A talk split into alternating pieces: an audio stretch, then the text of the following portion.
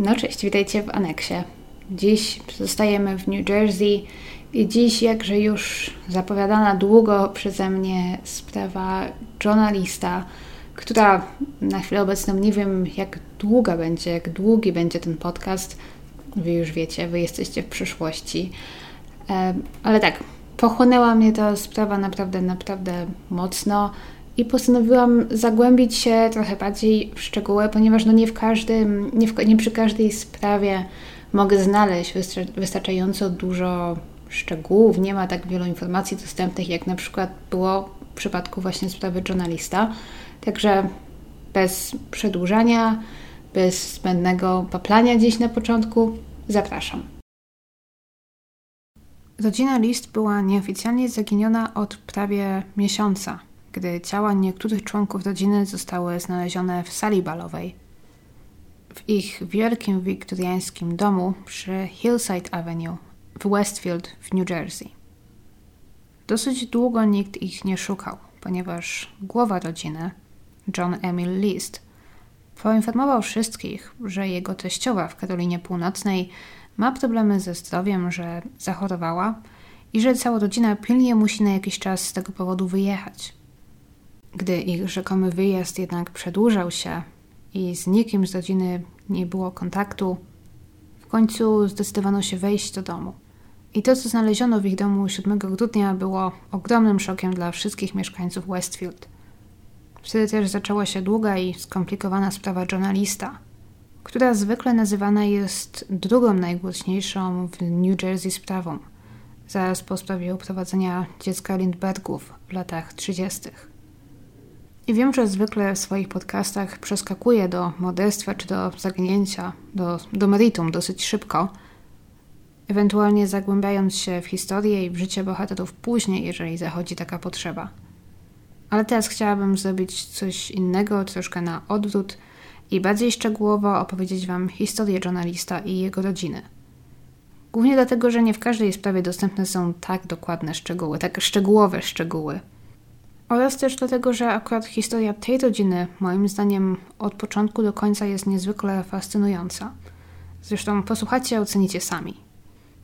John List pochodził z Bay City w Michigan, gdzie urodził się w 1925 roku. Johnowi Fryderykowi Listowi i Almie Mary List. I nie wymieniam takich nazwisk, ponieważ Alma wyszła za Johna i zmieniła swoje nazwisko na List – Nazwisko panieńskie Almy również brzmiało list, ponieważ para była w dalekim stopniu spokrewniona. Ich przodkami byli dwaj bracia, Johann i Johann Adam List, którzy przybyli do Stanów w połowie XIX wieku z Bawarii. Założyli tę małą osadę, zwaną Frankenmuth, składającą się właśnie głównie z niemieckich imigrantów, i osada ta przez dekady pozostawała niezmieniona i ludzie ci żyli w takim dosyć hermetycznym gronie. Stąd też małżeństwa pomiędzy kuzynami. Każdy tam był w mniejszym czy większym stopniu jakoś ze sobą spokrewniony. Ludzie w tej osadzie byli mocno religijni, panowało tam głównie wyznanie luterańskie, jak i praktykowano tam mocno niemieckie tradycje, język niemiecki. Alma, pomimo że urodzona już w Stanach, wciąż mówiła po angielsku z mocnym niemieckim akcentem na przykład. I Alma była właśnie w życiu journalista osobą niezwykle ważną. Można by zaryzykować stwierdzenie, że najważniejszą. Kobieta była znacznie młodsza od męża, miała 38 lat, a on był po 60, gdy John List przyszedł na świat. Możliwe, że to właśnie z powodu późnego wieku, może też kiepskiego charakteru, kto wie. John Frederick nie chciał mieć za dużo do czynienia ze swoim synem. Wszystkie obowiązki i decyzje o przyszłości Johna zrzucał na Almę. Spędzał czas z synem tylko, gdy on miał na to ochotę, a to nie zdarzało się często. Z jakiegoś powodu też, mówiąc do syna czy o swoim synu, nie używał jego imienia, po prostu mówił o nim chłopiec. Gdy później John Frederick zachoruje i umrze w 1944 roku, na 19-letnim Johnie Liście nie odbije się to zbyt mocno. Ojciec nigdy nie grał w jego życiu dużej roli. Alma wychowała Johna poniekąd pod kloszem. Chłopiec nigdy nie miał wielu kolegów, zakazywano mu wychodzić bawić się z dziećmi sąsiadów Jego jedyną rozrywką zdawało się być towarzyszenie mamie w domowych obowiązkach i czytanie Biblii. Gdy John dorósł i poszedł do szkoły, niewiele się zmieniło. Nigdy nie zawarł żadnych bliskich przyjaźni, był zawsze raczej sztywny, wycofany i nieco ekscentryczny. Po latach nawet nikt z jego licealnej klasy nie będzie pamiętał, że ktoś taki siedział z nimi w szkolnej ławce przez długie lata. Johnowi przyszło też przeżywać swoją młodość w niezwykle niespokojnych czasach. Był jeszcze nastolatkiem, gdy zdecydował się wstąpić do armii, aby służyć w działaniach podczas II wojny światowej. Na początku jednak długo nie przychodziło mu wziąć udziału w walce, co wojnę spędził stacjonując ze swoją jednostką w Luizjanie, czego podobno się wstydził, chciał wrócić do domu bohaterem wojennym.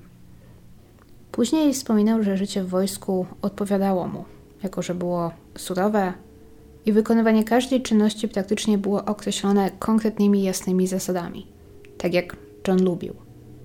Więc młodemu Johnowi łatwo było się tam odnaleźć. Jednak podobno nie zrobił tam najlepszego wrażenia. Jak i jedyne, na co chyba tam narzekał, byli inni ludzie.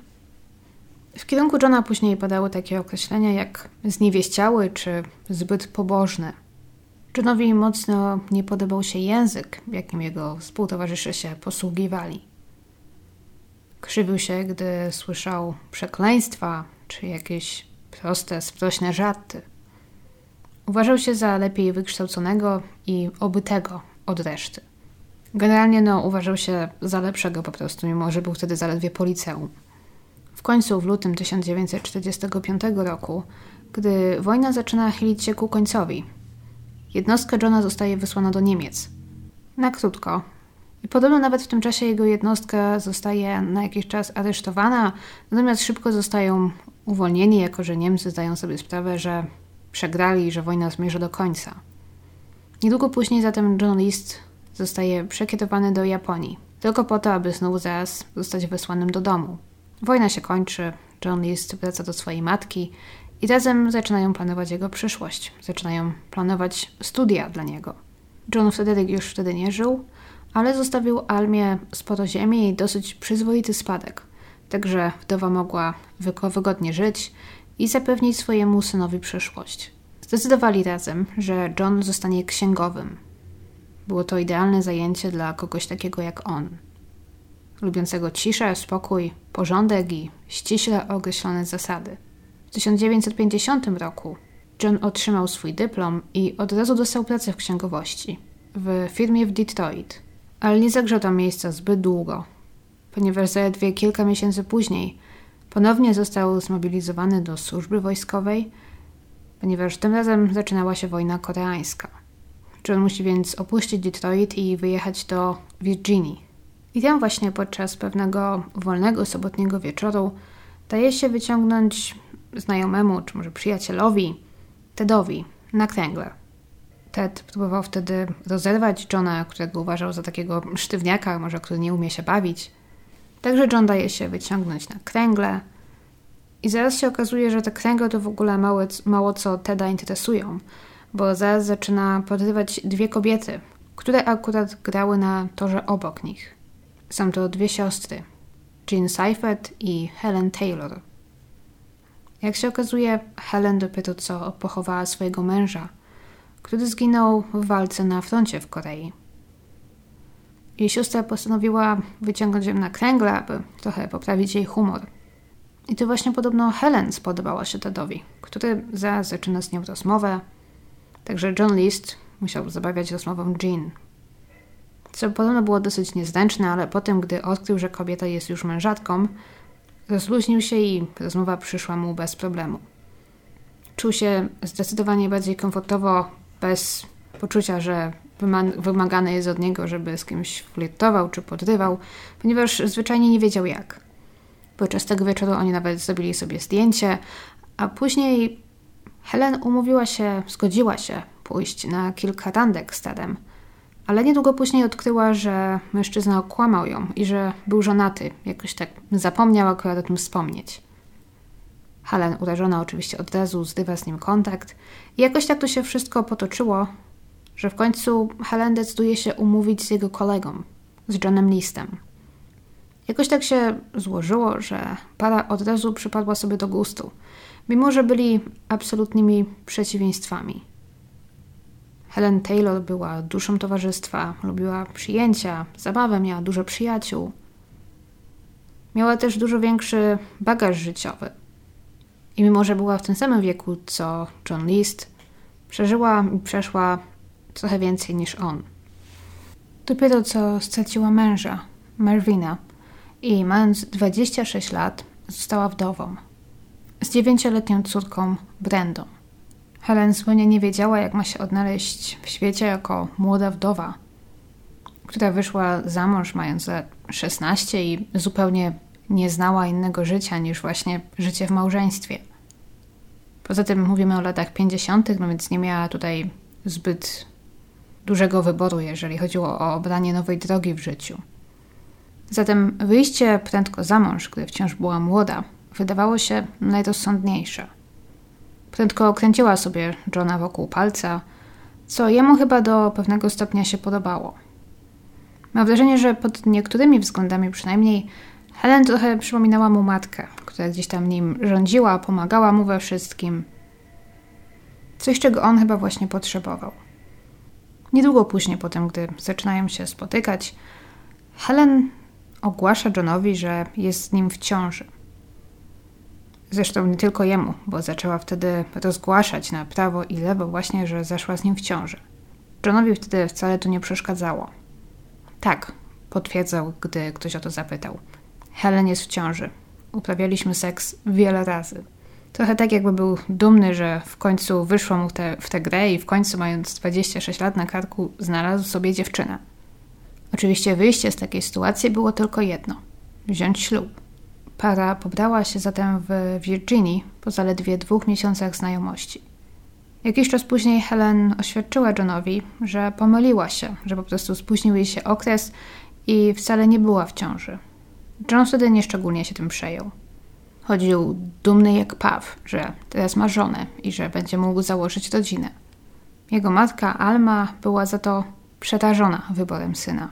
Kobieta, którą poślubił, była 9 miesięcy starsza od niego. Na dodatek już wdowa i na dodatek już z dzieckiem. Alma więc na początku w szczególności nie była zachwycona nową synową, ale w późniejszych latach ich relacja trochę się poprawi, w szczególności gdy Helen urodzi dzieci. Ich małżeństwo raczej nie było małżeństwem z miłości, już na pewno nie po stronie Helen, ale John i Helen będą mieli swoje chwile szczęścia. Helen w późniejszych latach jednak stanie się mocno nieszczęśliwa, ponieważ większość życia spędzi kochając i tęskniąc i upłakując swojego zmarłego tragicznie męża, Marvina Taylora. Helen była z nim przez 10 lat, rzucając dla niego szkołę w wieku 16. W 1947 roku razem ze swoją małą córeczką dołączyła do męża w Korei, gdzie ten wtedy stacjonował. Helen bardzo Marvina kochała, on podobno ją też, ale to wciąż nie przeszkadzało mu szaleć nocami po barach Seulu. Pewnego dnia Helen poważnie zachorowała, co poskutkowało natychmiastowym przetransportowaniem jej i Brandy do Stanów. Jak się później okaże, Marvin nie był żonie wierny i w Seulu zaraził się syfilisem, który potem przekazał żonie. W następnych dekadach ta choroba zupełnie zrujnuje jej zdrowie zarówno fizyczne, jak i psychiczne. A po nagłym opuszczeniu Seulu Helen nigdy nie zobaczyła już męża, który zginął krótko potem, gdy wybuchła wojna koreańska. Helen nigdy więc nie miała okazji policzyć się z mężem za jego niewierność. Została sama, opłakując jego śmierć i jeszcze na dodatek chora. Helen, wstydząc się tego, że została zakażona syfilisem, na początku ich małżeństwa nigdy o tym Johnowi nie powiedziała, on dowie się o tym dopiero później.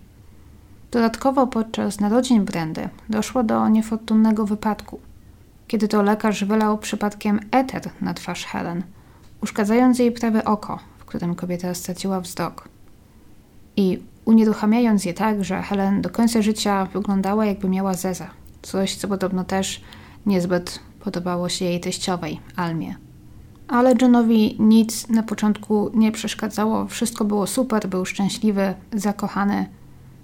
W szczególności w pierwszych latach małżeństwa. Na początku też para dużo się przeprowadzała, w końcu lądując w Detroit, gdzie urodziła się ich pierwsza, jedyna córka w zasadzie, Patricia Mary List. Nazywana przez wszystkich jako dziecko Patty, a gdy Patty już dorośnie, to skróci to do Pat. To są też najszczęśliwsze lata ich życia.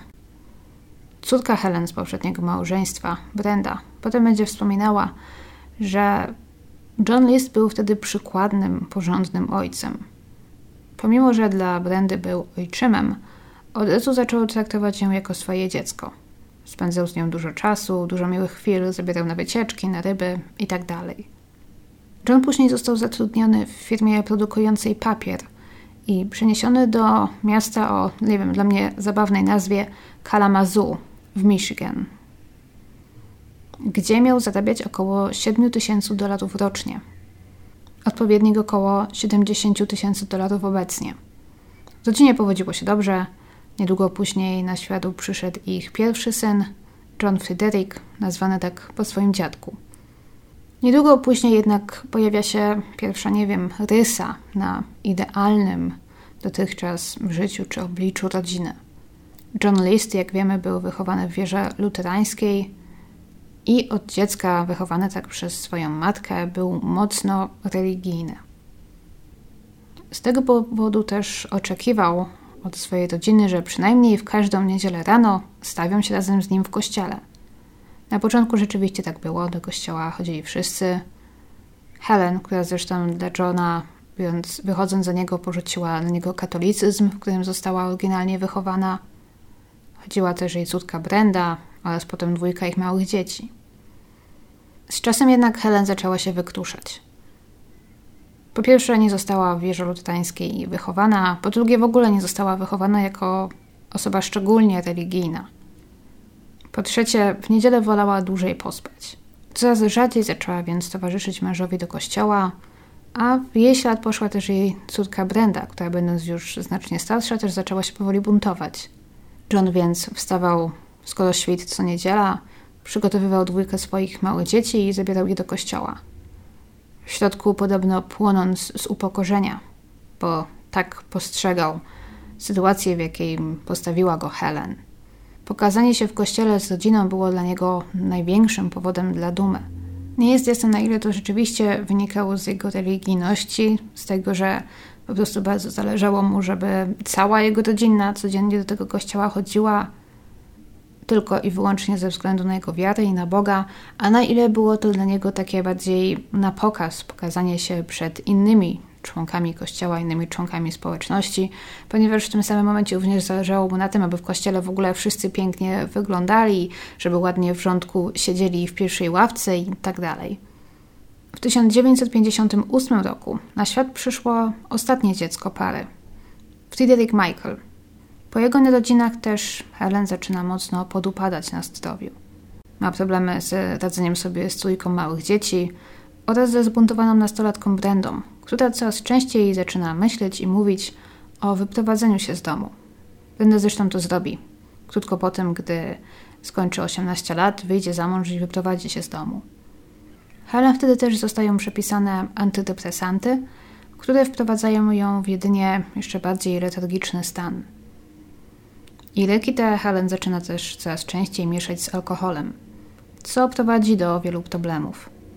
Helen zaczyna dziwnie się zachowywać. Zaczyna na przykład spać za dnia i zamiast tego być aktywną w nocy. Czasem, nie wiem, decydując się zacząć odkurzać o trzeciej w nocy, gdy wszyscy śpią. John zauważa problemy żony, ale zupełnie wtedy nie miał pojęcia, jak ma jej pomóc. Poza tym spędzał długie godziny w pracy.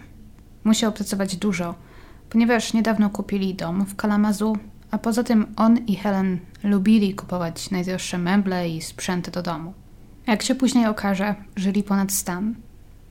Mam w ogóle wrażenie, że to było coś, co John poniekąd uważał za swój obowiązek.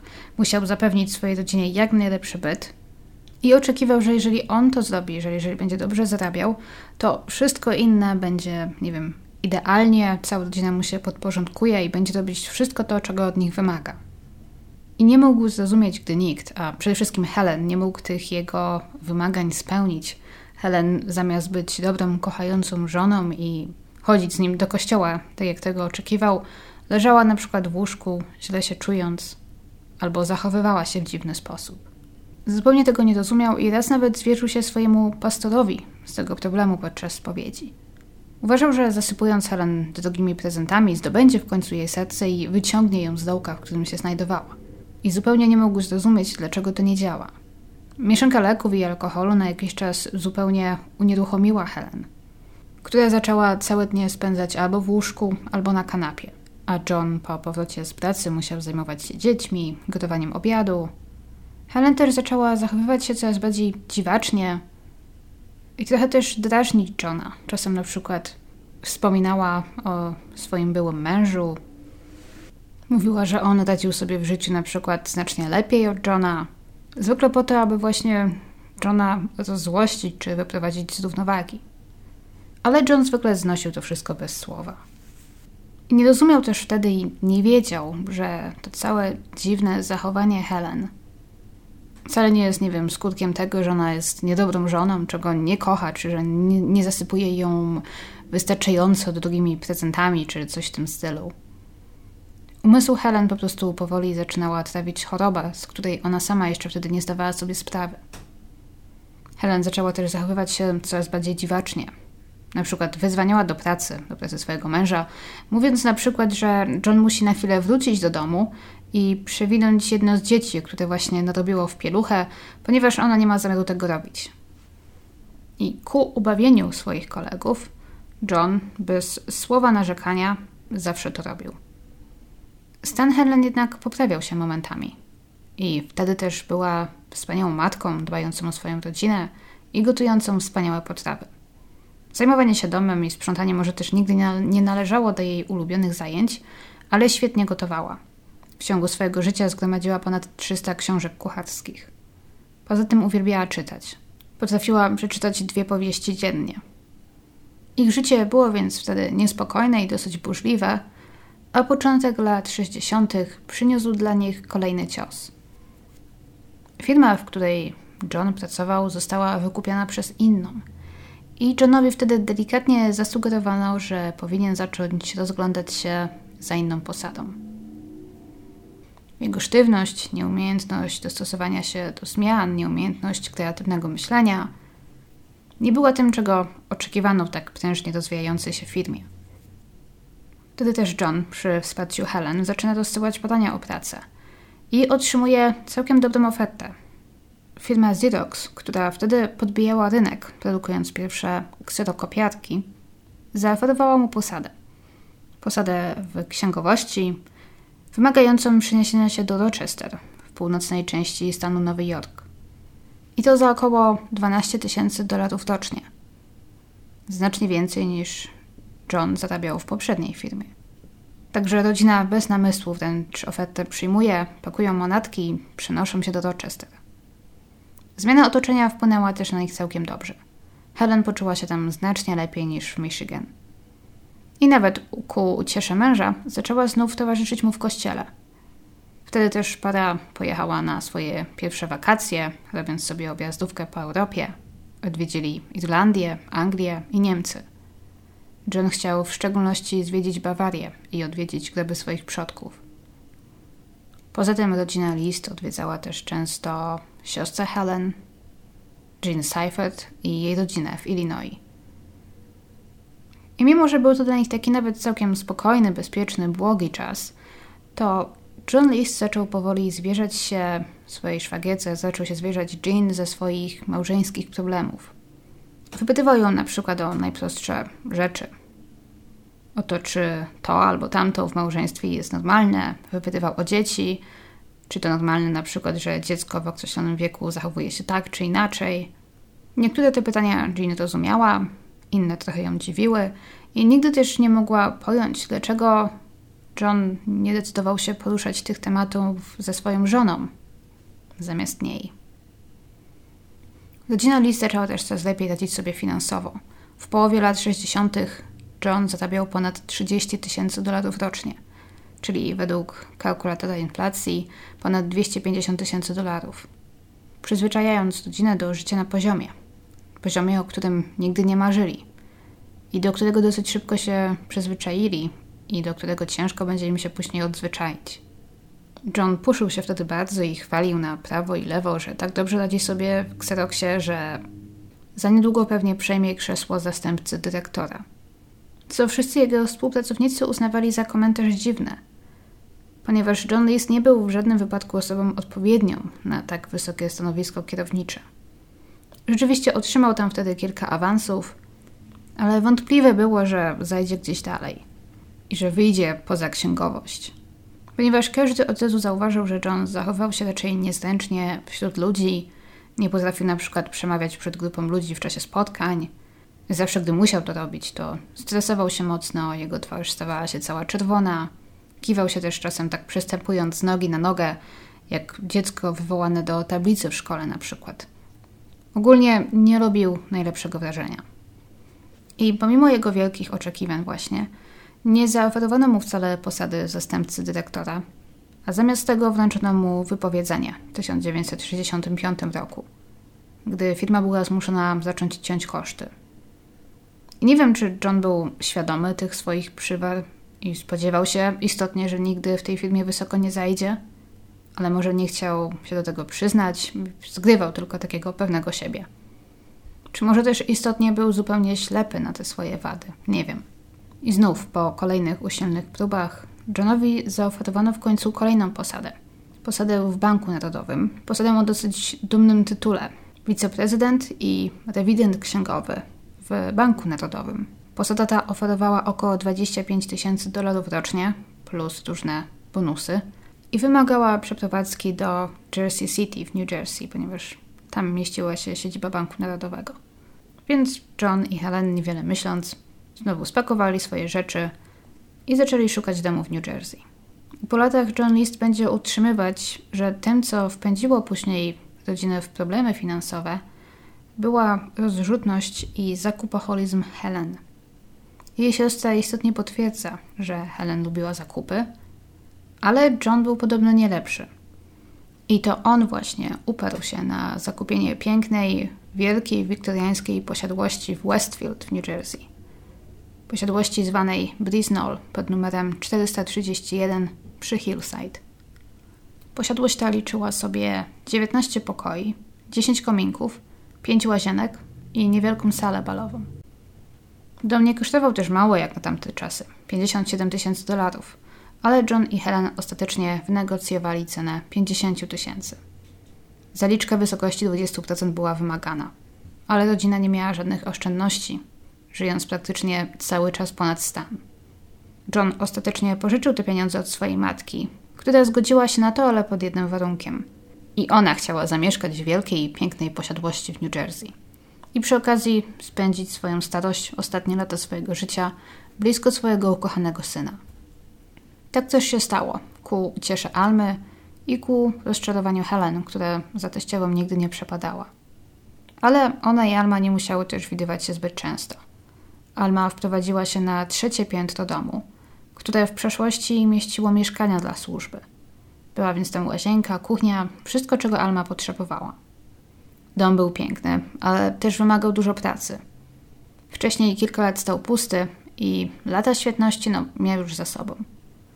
To jednak też było coś, co ponownie złączyło Helen i Johna, którzy nawet zdobyli stary album ze zdjęciami domu, oglądali go i planowali w przyszłości przywrócić posiadłość do jej oryginalnego stanu. Długie godziny małżonkowie spędzali razem, właśnie oglądając zdjęcia, planując prace remontowe.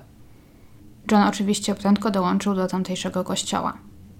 I wtedy też zaczął zdawać sobie sprawę, że musi zmierzyć się z nowym problemem. Z dorastającymi dziećmi, które wchodziły w okres nastoletni i które były narażone według niego na wszelkie pokusy i grzechy współczesnego świata – Martwił się w szczególności Patrycją. Zaczął też być coraz bardziej surowy dla swoich dzieci, ściśle konsolując, gdzie, kiedy, z kim spędzały czas.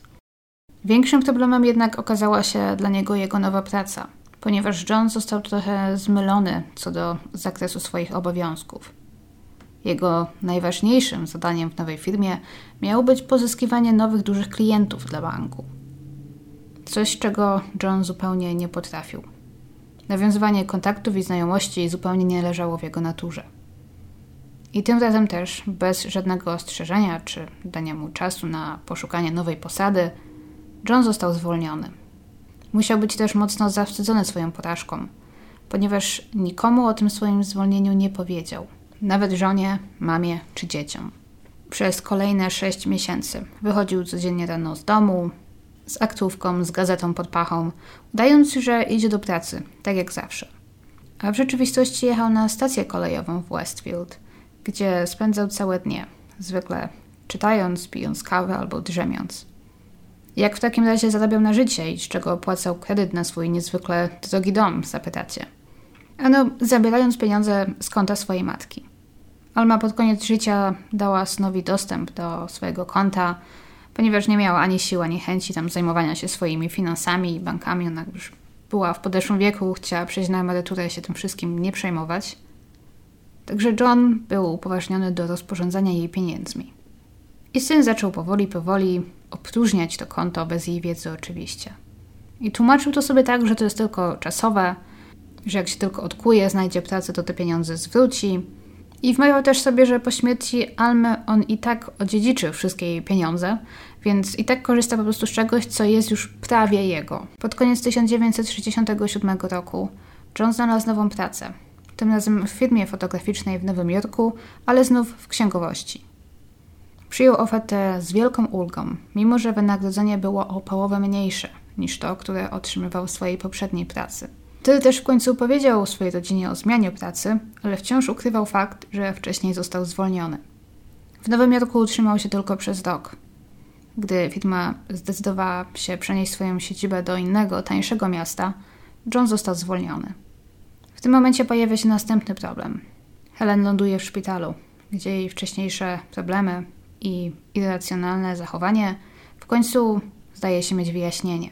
U Helen zdiagnozowana zostaje atrofia mózgu, jeżeli to sobie dobrze przetłumaczyłam, która była następstwem zakażenia z młodości, kiedy to jej pierwszy mąż zaraził ją syfilisem. I to mniej więcej właśnie wtedy też John List w ogóle dowiaduje się o tym, że jego żona w młodości cierpiała na syfilis. Nie wiem za dużo o tej chorobie, ale z tego co czytałam, to Helen nie mogła Johna Lista zarazić syfilisem, ponieważ Tą chorobą możemy bezpośrednio zarazić kogoś zaraz po zakażeniu, później już nie zakażemy, natomiast ona może wciąż po wielu, wielu latach mieć bardzo negatywny wpływ na nasze zdrowie i może gdzieś tam sobie czekać utajona. I właśnie coś takiego miało miejsce w wypadku Helen. Kobieta czuła się coraz gorzej, zaczęła stracić zainteresowanie dosłownie wszystkim, nawet wcześniej uwielbianymi książkami. I większość dni spędzała przykuta do łóżka. Wtedy, kiedy czuła się lepiej, snuła się po domu i nie mogła sobie znaleźć żadnego zajęcia. John nie stanął wtedy na wysokości zadania i nie zaoferował za wiele wsparcia żonie. Wręcz przeciwnie, zupełnie się od niej odizolował. Nie wiem, czy nie potrafił zaakceptować myśli, że Helen jest chora, czy może był zły, że Helen wcześniej nie powiedziała mu o syfilisie, czy może uważał to też za kolejną niedogodność, kolejny problem, którym obarcza go Helen. Swój wolny czas John zaczął spędzać głównie w mieszkaniu na poddaszu swojej mamy, z którą czytywał Biblię i zwierzał się jej ze swoich problemów. Ale nie z problemów finansowych. Te zostawiał dla siebie. I rozumiejąc chyba, że nie może już kontrolować Helen i nie może kontrolować jej choroby, zaczął coraz bardziej kontrolować swoje dzieci. W szczególności, że według niego przynajmniej pod koniec lat 60 miał miejsce zupełny upadek moralności jakichkolwiek wartości chrześcijańskich. Wszystko, co te późne lata 60. sobą reprezentowały, ruch hipisowski, poluzowanie obyczajów, Summer of Love w 67 roku, wszystko to spotykało się jedynie z pogardą ze strony journalista. Tęsknił za latami 50., kiedy obyczaje były inne, a jemu dobrze się powodziło zawodowo, finansowo i jego rodzina była znacznie szczęśliwsza. Johnowi udało się w końcu znaleźć nową pracę. Była to praca z domu, jako sprzedawca ubezpieczeń, ale wtedy też ledwo wiązał koniec z końcem. Nigdy jednak nie przyznał się do tego ani żonie, ani matce, nikomu. I chyba jako pierwsza Patrycja, czy może Pary, chciała, aby ją wtedy nazywano, wyczuła, że rodzina boryka się z problemami finansowymi. Widziała, że ojciec ciągle martwi się finansami, że pracuje z domu, ale nie jest zbyt szczęśliwy i najwyraźniej nie zarabia najlepiej. Pat więc znalazła pracę na pół etatu po szkole, jako recepcjonistka w biurze. Później załatwiła tam też pracę swojemu młodszemu bratu, Fredowi, który w tym samym miejscu miał sprzątać biuro po godzinach jego otwarcia. John List podobno nigdy szczególnie nie docenił ani nie pochwalił wysiłków swoich dzieci. Na początku 1971 roku Pat dołączyła do grupy teatralnej w Westfield. Zaczęła marzyć właśnie o karierze w teatrze.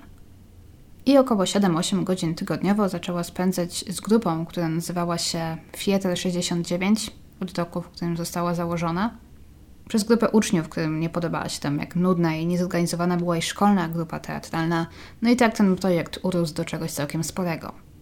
W 1971 roku grupa ta była prowadzona przez Eda Iliano, aktora teatralnego, do którego Pat od razu poczuła niezwykłą sympatię.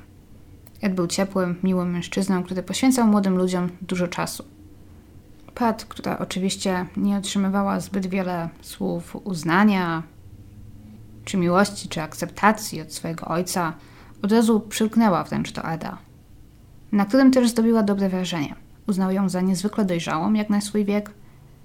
Zawsze też na wszystkich próbach pojawiała się przygotowana, zawsze miała wszystkie kwestie wykute na pamięć i podchodziła do całej sprawy niezwykle poważnie. Wiosną 1971 roku Pat miała swój debiut na scenie. Mimo, że jej rola była mała, Dziewczyna była z siebie dumna. Niezwykle dumna była też jej mama, Helen, która pomimo choroby przyjechała z Johnem zobaczyć sztukę. A po wszystkim poszła nawet za kulisy, aby wszystkim aktorom osobiście pogratulować. John nie był zachwycony. Wyszedł z teatru najszybciej jak to możliwe i gdy Helen była za kulisami, on czekał w samochodzie z włączonym silnikiem, gotowy jak najprędzej się stamtąd wydostać. Brak uznania ze strony ojca jednak coraz mniej obchodził Pat, która teraz bardziej przejmowała się zdaniem Eda i Liano. Pewnego letniego dnia Pat nawet oświadczyła Edowi, że jest w nim zakochana i chciałaby go w przyszłości poślubić. Wyraźnie była w swoim nauczycielu zakochana, co ten też wtedy zbył, uważając to za nastoletnie wymysły. Ale jednocześnie wyczuł, że w domu Pat nie dzieje się najlepiej. Po wszystkich członków kółka teatralnego Wieczorami zawsze przyjeżdżali rodzice. Z wyjątkiem Pat, której ojciec nie popierał nowego zajęcia córki i dziewczyna musiała polegać na uprzejmości innych, aby dotrzeć do domu. W końcu to on, Ed, wziął na siebie ten obowiązek i zaczął zawozić Pat do domu po wszystkich próbach. Przez co bardzo się z nią zaprzyjaźnił. Dużo rozmawiali, Ed zaczął nawet obierać dłuższą trasę albo zatrzymywali się na chwilę, aby mógł coś z nim obgadać. W lecie 1971 roku Patricia i jej przyjaciółka zostały też zatrzymane przez policję. Nastolatki ledwie sobie na to zasłużyły. Zostały zatrzymane zwyczajnie idące ulicą w centrum Westfield po północy. Że Westfield to małe miasto, w którym wszystko o takiej porze jest zamknięte, to wierzono, że każdy, w szczególności młody człowiek, połętający się tam tak późno po nocy, prosi się o kłopoty – i stwarza jakieś potencjalne niebezpieczeństwo. Poza tym dziewczyny paliły papierosy. Zostały więc zabrane przez policjantów na komisariat policji, skąd miały zostać odebrane przez swoich rodziców. Obie były wystraszone, z zaczerwienionymi i zapłakanymi oczami. Pierwszy pojawił się ojciec przyjaciółki Pat. Poirytowany, ale nawet nie tyle na swoją córkę, co na policjantów że zamiast odwieźć szesnastolatkę po prostu do domu i powiedzieć jej rodzicom o co chodzi, ciągają ich ciężko pracujących ludzi po komisariatach o nieludzkich porach. Mimo, że dziewczyny wyraźnie nie dopuściły się żadnego poważnego wykroczenia. Uważał to za przesadę. Następny pojawił się John List, który nie był już tak miły dla swojej córki. Spójrz tylko na siebie, krzyczał. I zamknij się, gdy ta tylko próbowała coś wyjaśnić. Ta wizyta journalisty na komisariacie w Westfield zapadła wtedy policjantom mocno w pamięć. Ale niekoniecznie dlatego, że John był wściekły na swoją starszą córkę, ale dlatego, że dochodziła trzecia w nocy, a on pojawił się ubrany w perfekcyjnie wyprasowany garnitur, uczesany i ogolony. Elegancki garnitur to podobno było też coś, czego John List słynął. Mało kto widział go w jakimkolwiek innym odzieniu niż garnitur i krawat, czasem do tego jakiś elegancki płaszcz, jeżeli było chłodno. Ale też nieważne, zima, lato, gorąco, zimno, nawet w największym upale John List przywdziewał garnitur. Inne ubranie nie wchodziło w grę z jakiegoś powodu. Sąsiedzi z niedowierzaniem patrzyli, jak John List latem kosi swój wielki trawnik przy Hillside Avenue w garniturze pod krawatem. I w 1971 roku, gdy w życiu Patrycji zaczęły zachodzić te wszystkie zmiany, John List zaczął pałać coraz większą nienawiścią do swojej nastoletniej córki, którą uważał za uosobienie wszystkiego, czego nienawidził w zmianach społecznych, jakie zaszły w ostatnich latach. Był słyszany, jak wyzywa szesnastoletnią Pat, jak i też zresztą swoją żonę przy kilku okazjach, od dziwek. Zaraz rzucił się na Pat i podarł podkoszulek, który dziewczyna miała na sobie, ponieważ nie podobał mu się napis na tymże. Peace and love. Pokój i miłość. To też w lecie 71 roku zdrowie psychiczne Pat zostało poddane wątpliwość. Dwa tygodnie pod koniec sierpnia tamtego roku Pat spędziła na obozie dla młodzieży w Delaware. I tu tam też dziewczyna miała wylądować u psychologa albo u pedagoga, nie jestem pewna, ze względu na swoje dziwne zachowanie. Zaczęła oświadczać wszem i wobec, że jest czarownicą. I było to podobno coś więcej niż tylko niewinna dziecięca wyobraźnia. Pat była o tym podobno święcie przekonana i myślała o tym w bardzo poważny sposób. Zrodziło się w niej też zainteresowanie okultyzmem – które podłapała podobno od innych członków jej grupy teatralnej. Pedagog stwierdził wtedy, że Pat zdecydowanie się czegoś boi i że wręcz obawia się o własne życie. Można więc odnieść wrażenie, że cała rodzina List to była dziwna rodzina, wręcz rodzina Adamsów, mieszkająca w największym przy ich ulicy wiktoriańskim domu, który bardzo wymagał remontu, z ojcem koszącym trawnik w garniturze, z matką powoli popadającą w obłęd, babcią nie opuszczającą praktycznie swojego mieszkania na poddaszu i córką uważającą się za czarownicę. Ale w rzeczywistości jedyną osobą, która odpowiadała za tak dziwny image swojej rodziny, był John List. I szkoda, że pedagog wtedy nie podrążył tego tematu bardziej z Patricią, bo ta istotnie miała się czego obawiać i prawdopodobnie już wtedy widziała przesłanki, że stanie się coś złego – Wiele wskazuje na to, że John List zaczął planować pozbycie się swojej rodziny już latem i zaczął jej o tym nawet otwarcie mówić. W październiku 1971 roku stan rodzinnych finansów był w opłakanym stanie. Byli praktycznie bankrutami, ale tylko John List był tego świadom. Na przestrzeni ostatnich lat wziął kilka mniejszych pożyczek, zostawiając też dom, w nadziei, że tym sposobem spłaci jakieś inne pożyczki i że później jakoś się odkuje. Ale oczywiście było tylko gorzej i wszystko wymknęło się spod kontroli. Rodzina była zadłużona na prawie 50 tysięcy dolarów, a jak dotychczas w 71 roku John List zrobił zaledwie 5 tysięcy.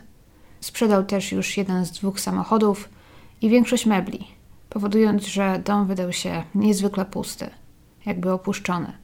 Jedynymi żywicielami rodziny w tamtym czasie byli Patricia i Fryderyk ze swoimi pracami na pół etatu. Konto Almy List również było już praktycznie wyczyszczone. Jego matka nie miała grosza przy duszy i nawet nie zdawała sobie z tego sprawy. 14 października John List pojawił się na posterunku policji w Westfield, aby złożyć aplikację o pozwolenie na broń. Dla obrony, jak wytłumaczył. Zgodnie z procedurą pobrano wtedy od niego odciski palców. To była jedna z rzeczy, która później go pogrąży. A ostatnie wesołe wydarzenie w domu rodziny List miało miejsce 30 października, dzień przed Halloween. Patrycja poprosiła tydzień wcześniej ojca o pozwolenie na wydanie przyjęcia halloweenowego w sali balowej w ich domu. Ku jej zdziwieniu ojciec zgodził się. Dom wypełniło wtedy około 30 młodych ludzi, głównie z grupy teatralnej PAD. Dziewczyna sama udekorowała salę balową, przygotowała poczęstunek i przebrała się za czarownicę.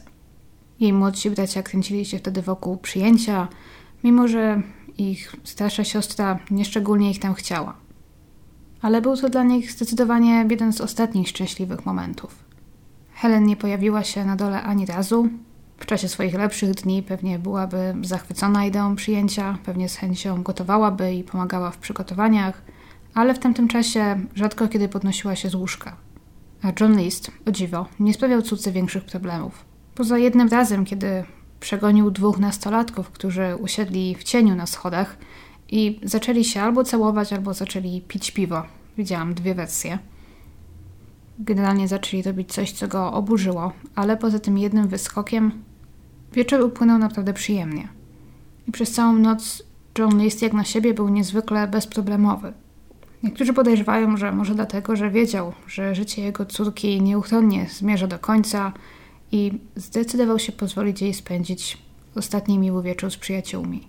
A w piątek, 5 listopada, usadził trójkę swoich dzieci przy kuchennym stole, mówiąc im, że musi odbyć z nimi ważną rozmowę. Niedługo będziecie musieli umrzeć, oświadczył im. Niestety tak musi się stać, ale proszę powiedzcie mi, czy wolicie być pochowani, czy skremowani? Po krótkiej pauzie jego zaszokowane dzieci po kolei odpowiedziały, że pochowane. Na co John kiwnął głową i, nie mówiąc nic więcej, wrócił do swojego biura, gdzie ostatnimi czasy i tak spędzał większość czasu. Nie wiadomo jednak, jak poważnie wtedy Patricia, Fryderyk i John potraktowali słowa ojca i czy rozważali poproszenie kogoś o pomoc. Jeżeli tak, to kogo i w jaki sposób? Czy można zrobić coś komuś przed tym, zanim ta osoba popełni morderstwo, tylko dlatego, że powiedziała, że to zrobi? Ciężko uwierzyć, że policja, w szczególności w tamtych czasach, uwierzyłaby trójce dzieci. Nawet jeżeli poszliby porozmawiać z Johnem Listem, to pewnie ten wytłumaczyłby to na przykład dziecięcą wyobraźnią i na tym sprawa by się skończyła. Wiemy jednak, że Pat przynajmniej próbowała coś zrobić, bo tamtego wieczoru miała próbę ze swoją grupą teatralną. Patricia miała wtedy grać Blanche Dubois w tramwaju zwanym Pożądaniem i była tym niezwykle podekscytowana. Ale tamtego wieczoru wszyscy zauważyli, że jest z nią coś nie tak. Miała zaczerwienione oczy, pociągała nosem, nie odzywała się i nie zwracała większej uwagi na to, co się dzieje. I po raz pierwszy nie przykładała się do tego, co robi. Ed Iliano zdecydował się odwieźć ją po próbie do domu i spróbować wypytać, co się stało. W samochodzie dziewczyna podobno rozpłakała się na dobre. Na pytania o to, co się stało, Pat w końcu wyjaśniła. Mój ojciec ma zamiar mnie zabić. Jeżeli niedługo usłyszy pan, że nagle gdzieś wyjechałam, jeżeli nagle zniknę, to będzie to oznaczało, że to zrobił. Coś, co Iliano oczywiście wtedy no niezbyt chciał uwierzyć i gdzieś tam zaczął ją próbować uspokoić, wytłumaczyć, że coś źle zrozumiała, że przesadza, ale to zdenerwowało dziewczynę jeszcze bardziej i jej śmiertelna powaga podobno mocno wtedy Edę wystraszyła. Nie mógł też przestać o tym myśleć. Zaczął więc szukać wymówki, pod którą mógłby odwiedzić dom przy Hillside, aby zobaczyć na własne oczy, jak się sprawy mają. Dwa dni później w końcu, w niedzielę, przypomniał sobie, że wciąż ma książkę, którą kiedyś pożyczył od Helen List. I postanowił zatrzymać się w ich domu, że niby akurat gdzieś tam przejeżdżał w pobliżu i ją oddać. Zapukał do drzwi i otworzył mu starszy syn listów, John, który zaprowadził Eda do jadalni, gdzie siedziała wtedy Helen. Tego dnia czuła się podobno wyjątkowo dobrze. Ucieszyła się na widok Eda, podobno zawsze go lubiła i zaprosiła go, aby usiadł razem z nią. Pokazała mu album ze zdjęciami, które wtedy oglądała. To były stare zdjęcia Breeze Knoll i kobieta zaczęła opowiadać Edowi o wszystkich planach na renowacje, jakie ona i jej mąż wciąż mają. Powiedziała, że zabiorą się za remont ponownie, gdy Johnowi tylko się poprawi, co Eda zaskoczyło. John nie czuje się dobrze? zapytał. O nie, nie, nie, wszystko w porządku, wszystko będzie w porządku, uspokoiła go Helen. Ale nie jest jasne, czy mówiła wtedy o stanie zdrowia swojego męża, czy może o jego sytuacji finansowej. Ed, nie wiedząc o czym jeszcze ma z Helen rozmawiać oraz nie widząc nigdzie Patricia, z którą może mógłby nawiązać jakąś dłuższą rozmowę i spędzić w domu trochę dłużej czasu, nie miał innego wyjścia jak pożegnać się i udać w kierunku drzwi. A tam znów nagle natknął się na Johna Juniora, który jakby na niego czekał i zagrodził mu drogę.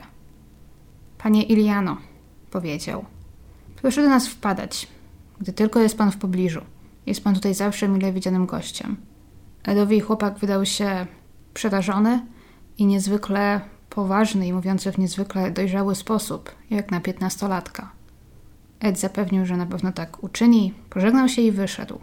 A wsiadając do samochodu, odwrócił się, aby spojrzeć jeszcze raz na dom i zobaczył, że John List stoi w oknie swojego biura i przygląda się Edowi z czymś, co ten wtedy wziął za nienawiść.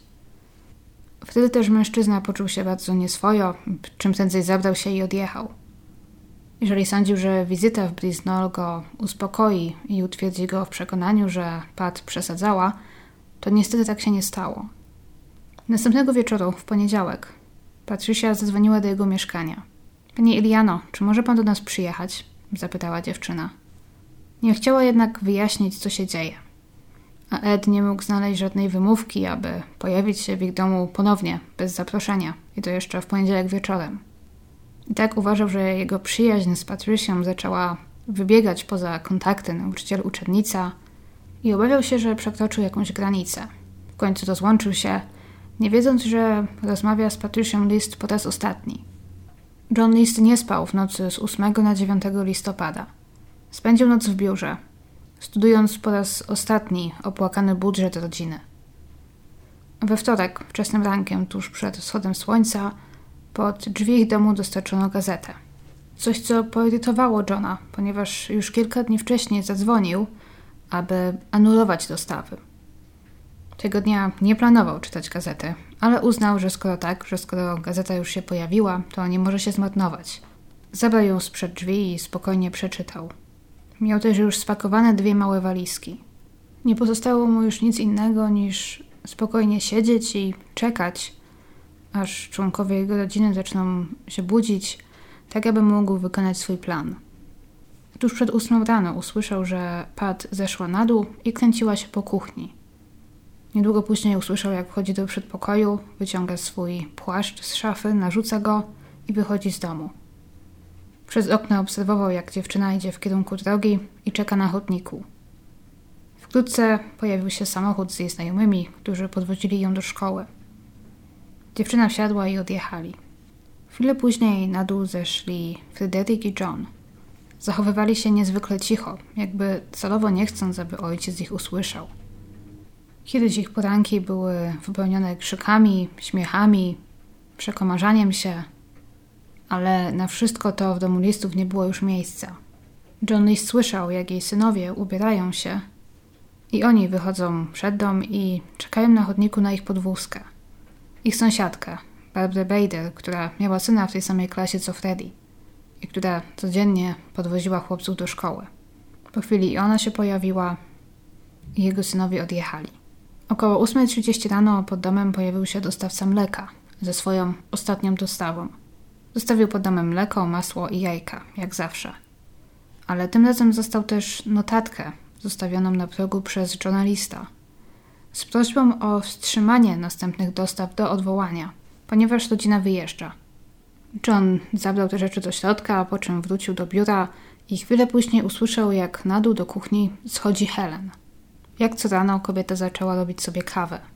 John wyszedł wtedy ze swojego biura z bronią w ręku i skierował się do kuchni.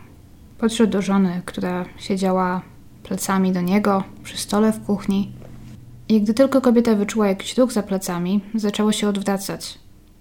Nie zdążyła nawet jednak dobrze spojrzeć na męża, gdy ten bez ostrzeżenia postrzelił ją w twarz. Kobieta upadła na ziemię. Dla pewności John List wypalił jeszcze kilka razy.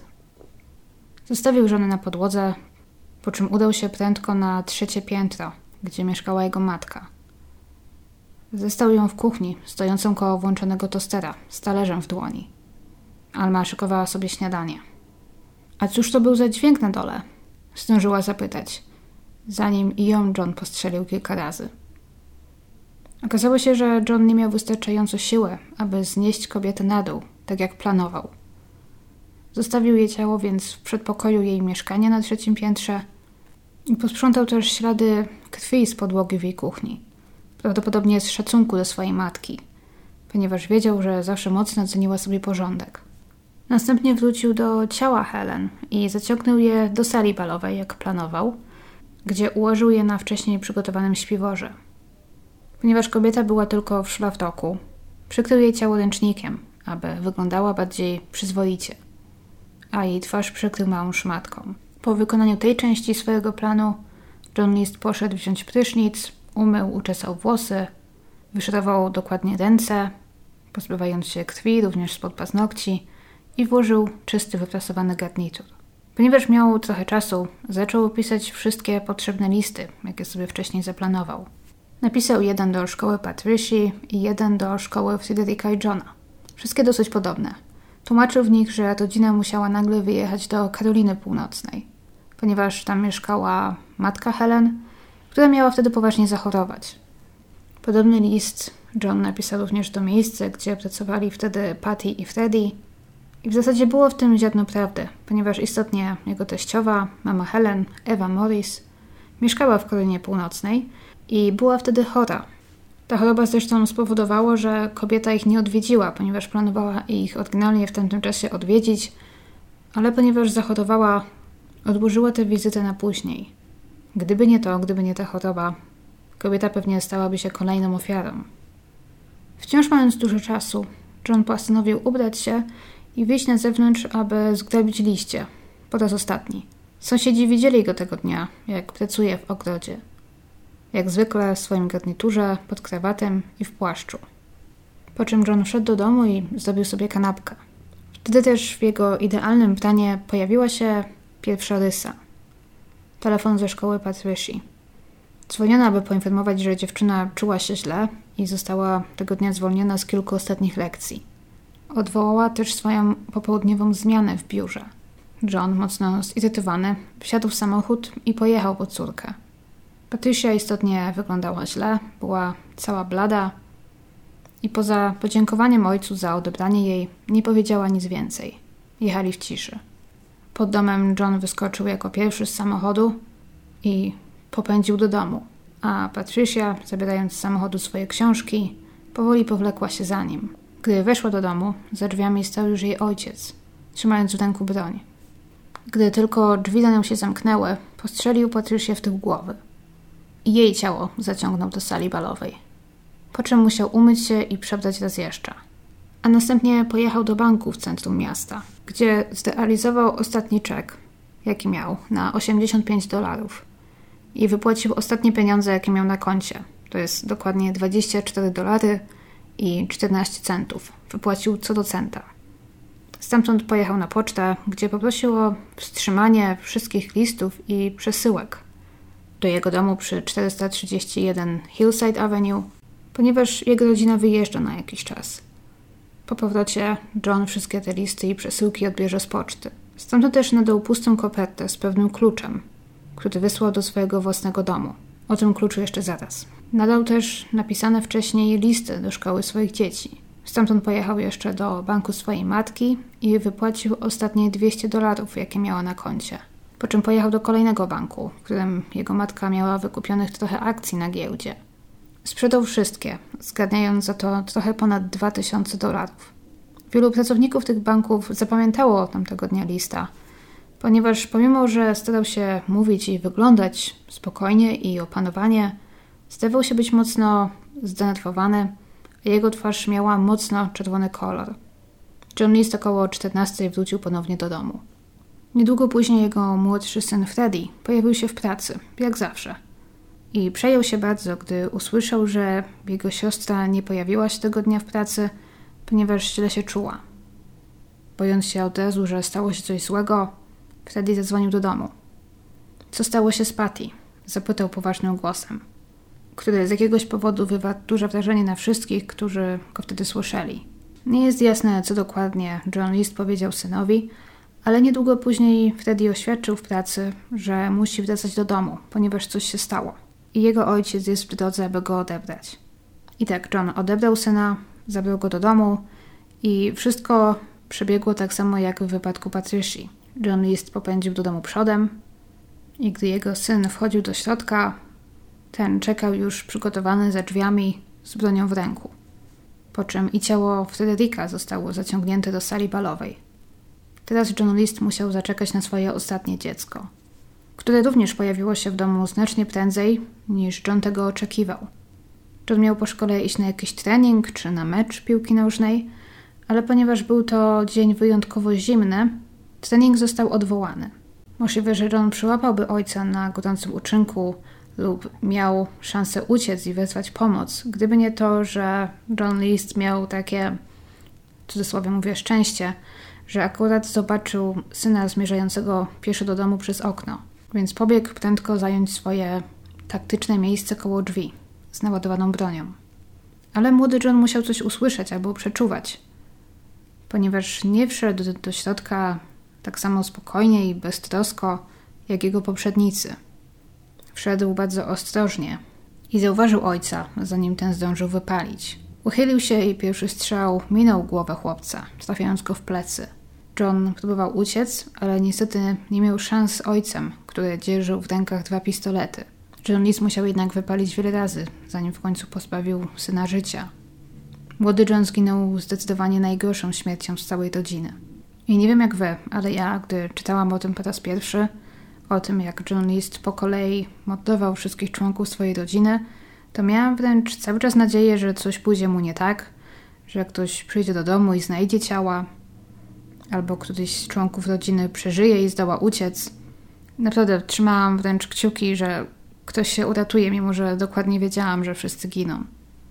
I wiem też, że jest taka dosyć powszechna i często powtarzana wersja, według której John List przed zabiciem swojego najstarszego syna siedział na trybunach i oglądał mecz, w którym ten grał, po czym zawiózł go do domu i wtedy zabił.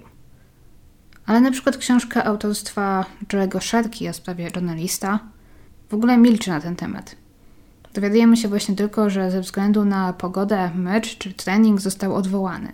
Więc nie jestem pewna na 100%, która wersja jest prawdziwa, ale trzymam się wersji Joe'ego Sharki, ponieważ to na jego książce zdecydowałam się w dużym stopniu oprzeć oraz on przez długie lata śledził tę sprawę. Swoją książkę wydał na początku, jakoś na początku lat 90. po raz pierwszy, ale później kilka razy jeszcze aktualizował ją, dodawał nowe rzeczy, gdy wychodziły nowe informacje, więc wierzę, że gdyby ta informacja była błędna, no to do teraz zostałaby już poprawiona, dlatego zdecydowałam się trzymać jego wersji i jego faktów, ale bądźcie świadomi tego, że w zależności od tego, do jakiego źródła sięgamy, znajdziemy różne rozbieżności.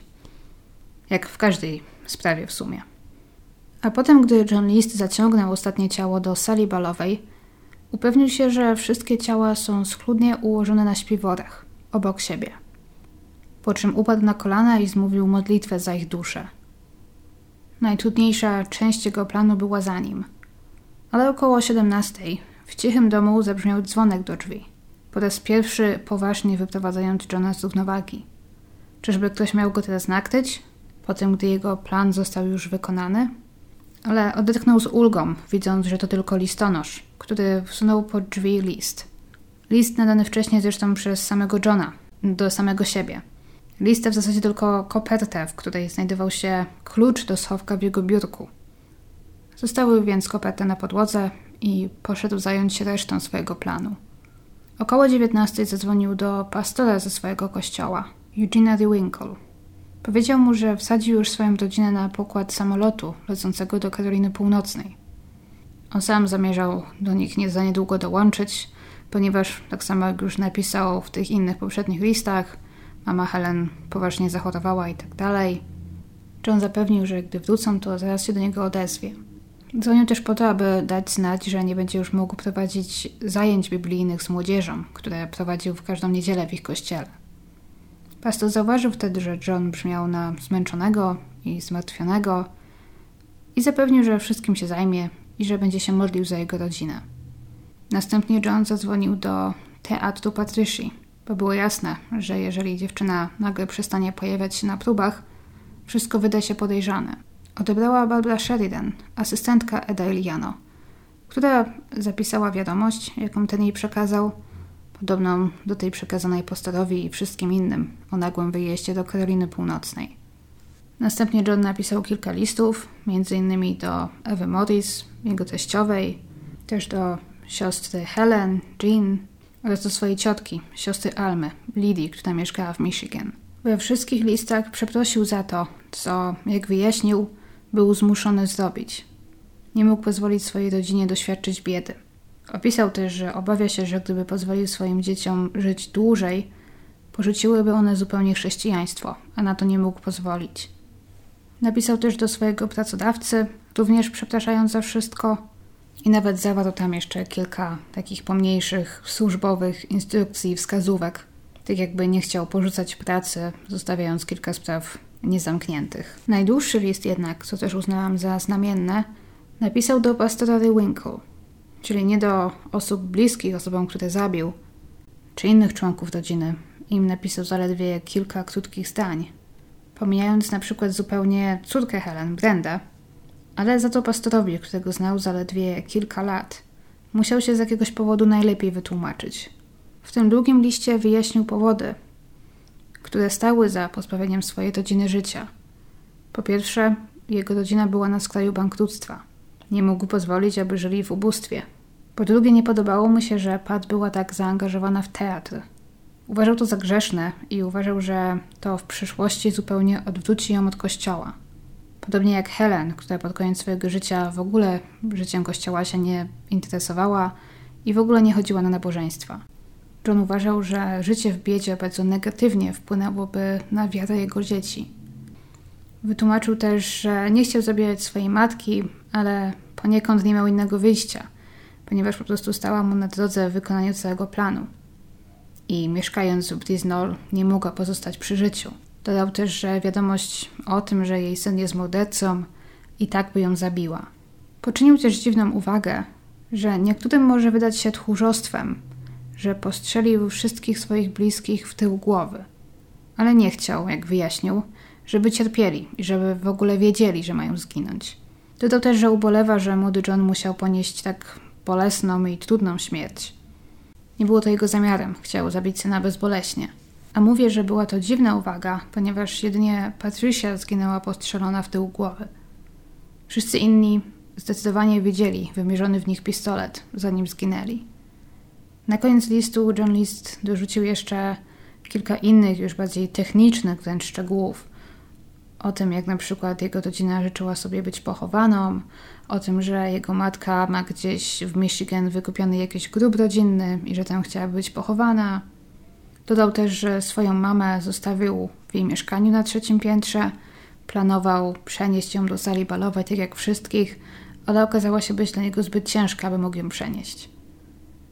Wszystkie listy John włożył do jednej dużej koperty. I wszystko to, łącznie ze swoimi pistoletami, zamknął w biurku w swoim biurze. Na biurku zostawił kartkę z informacją dla osoby, która to znajdzie, że klucz do szuflady znajduje się w kopercie, którą wysłał sam sobie i która, jak wiemy, wtedy już została do jego domu dostarczona. Po co całe to zamieszanie z wysyłaniem sobie klucza, który i tak było jasne, dotrze tam, zanim ktoś w ogóle znajdzie ciała, i zanim John List w ogóle zdążył opuścić Bliznol, nie mam pojęcia. To chyba wie tylko John List. Może z umiłowania do gier, ponieważ John List miał może wiele przywar, ale należało mu przyznać, że był dobrym strategiem, co ujawniało się w jego wypadku m.in. w jego zamiłowaniu do skomplikowanych gier wojennych, których zgromadził na przestrzeni lat całe mnóstwo. Ale teraz musiał to wszystko porzucić i zabierał ze sobą tylko kilka najpotrzebniejszych rzeczy – po załatwieniu wszystkich tych spraw, John List zdał sobie sprawę, że jest głodny. Przygotował więc sobie kolację, którą zjadł ze smakiem, po czym nawet pozmywał i zostawił talerze na suszarce. A zakrwawione ubrania, szmaty i gazety, których użył m.in. do posprzątania po morderstwach, włożył do plastikowych siatek i zostawił na ganku koło kuchni. W miejscu, gdzie rodzina zawsze zostawiała worki ze śmieciami, które potem miały zostać wyrzucone tak jakby John istotnie oczekiwał, że ktoś z członków rodziny je jeszcze wyrzuci. Następnie poczuł, że jest zmęczony, więc zdrzemnął się, po czym bladym świtem nadeszła pora pożegnania z Brisnol. Przed wyjściem John List włączył jeszcze światła we wszystkich pokojach, co było podobno dosyć częstym zwyczajem u ludzi, którzy wyjeżdżali na dłużej i zostawiali swój dom pusty i bali się włamania na przykład – w ten sposób wieczorami zawsze wyglądało to tak, jakby ktoś był w domu. Niektóre źródła mówią też o tym, że John List wyciął się ze wszystkich zdjęć, jaka, jakie rodzina miała w domu, tak aby utrudnić identyfikację. Według innych znów zabrał te zdjęcia albo spalił, Ale można też znaleźć informację, że gdy rodzina Helen, innymi jej siostra Jean, pojawiła się w domu, to było już oczywiście długo, długo po tym, gdy policja skończyła tam swoje prace, gdy również reporterzy się przez ten dom przewlekli, czy wręcz przeszli jak tornado, to tych zdjęć istotnie tam nie było, ale to nie dlatego, że John List coś z nimi zrobił, ale zwyczajnie dlatego, że reporterzy i inni ciekawscy po prostu sobie te zdjęcia przywłaszczyli. Nie wiem jaka jest prawda, ale faktem jest, że rzeczywiście wielu tych zdjęć nigdy nie znaleziono. John List zostawił też włączone radio, grające muzykę klasyczną, która rozbrzmiewała na cały dom. Ponieważ jak się okazuje, John List był takim fanem muzyki klasycznej, że nawet stworzył sobie jakiś taki specjalny system. To były takie tuby, które rozchodziły się po wielu pomieszczeniach w domu. Także gdy on włączył sobie muzykę na przykład w swoim pokoju, to ta rozbrzmiewała w całym domu. I tak też John List, zabierając cały swój skromny dobytek i niecałe 2500 dolarów w gotówce, siadł do swojej starej impali i odjechał. Pozostawiając Bliznol i swoją rodzinę na zawsze, a może prawie na zawsze, za sobą. Po drodze zatrzymał się jeszcze koło wtedy zamkniętego biura, gdzie Patty i Fred pracowali, aby wsunąć pod drzwi list informujący o ich nagłym wyjeździe. A stamtąd pojechał, już bez zatrzymywania się, do Nowego Jorku, prosto na lotnisko Kennedy'ego, gdzie na parkingu porzucił swój samochód i gdzie zniknął na prawie dwie dekady. I ponieważ John List wszystko zaplanował i dopracował, nie zapominając o najmniejszym szczególe, to przez pierwsze tygodnie nikt nawet jego rodziny nie szukał. Nie interesował się też szczególnie domem przy Hillside Avenue. Może poza Edem Iliano, który gdy tylko dowiedział się o nagłej nieobecności Patricia, spowodowanej wyjazdem do chorej babki, stał się mocno podejrzliwy. Wciąż dręczyła go jego ostatnia wizyta w ich domu i ostatnie słowa Pat.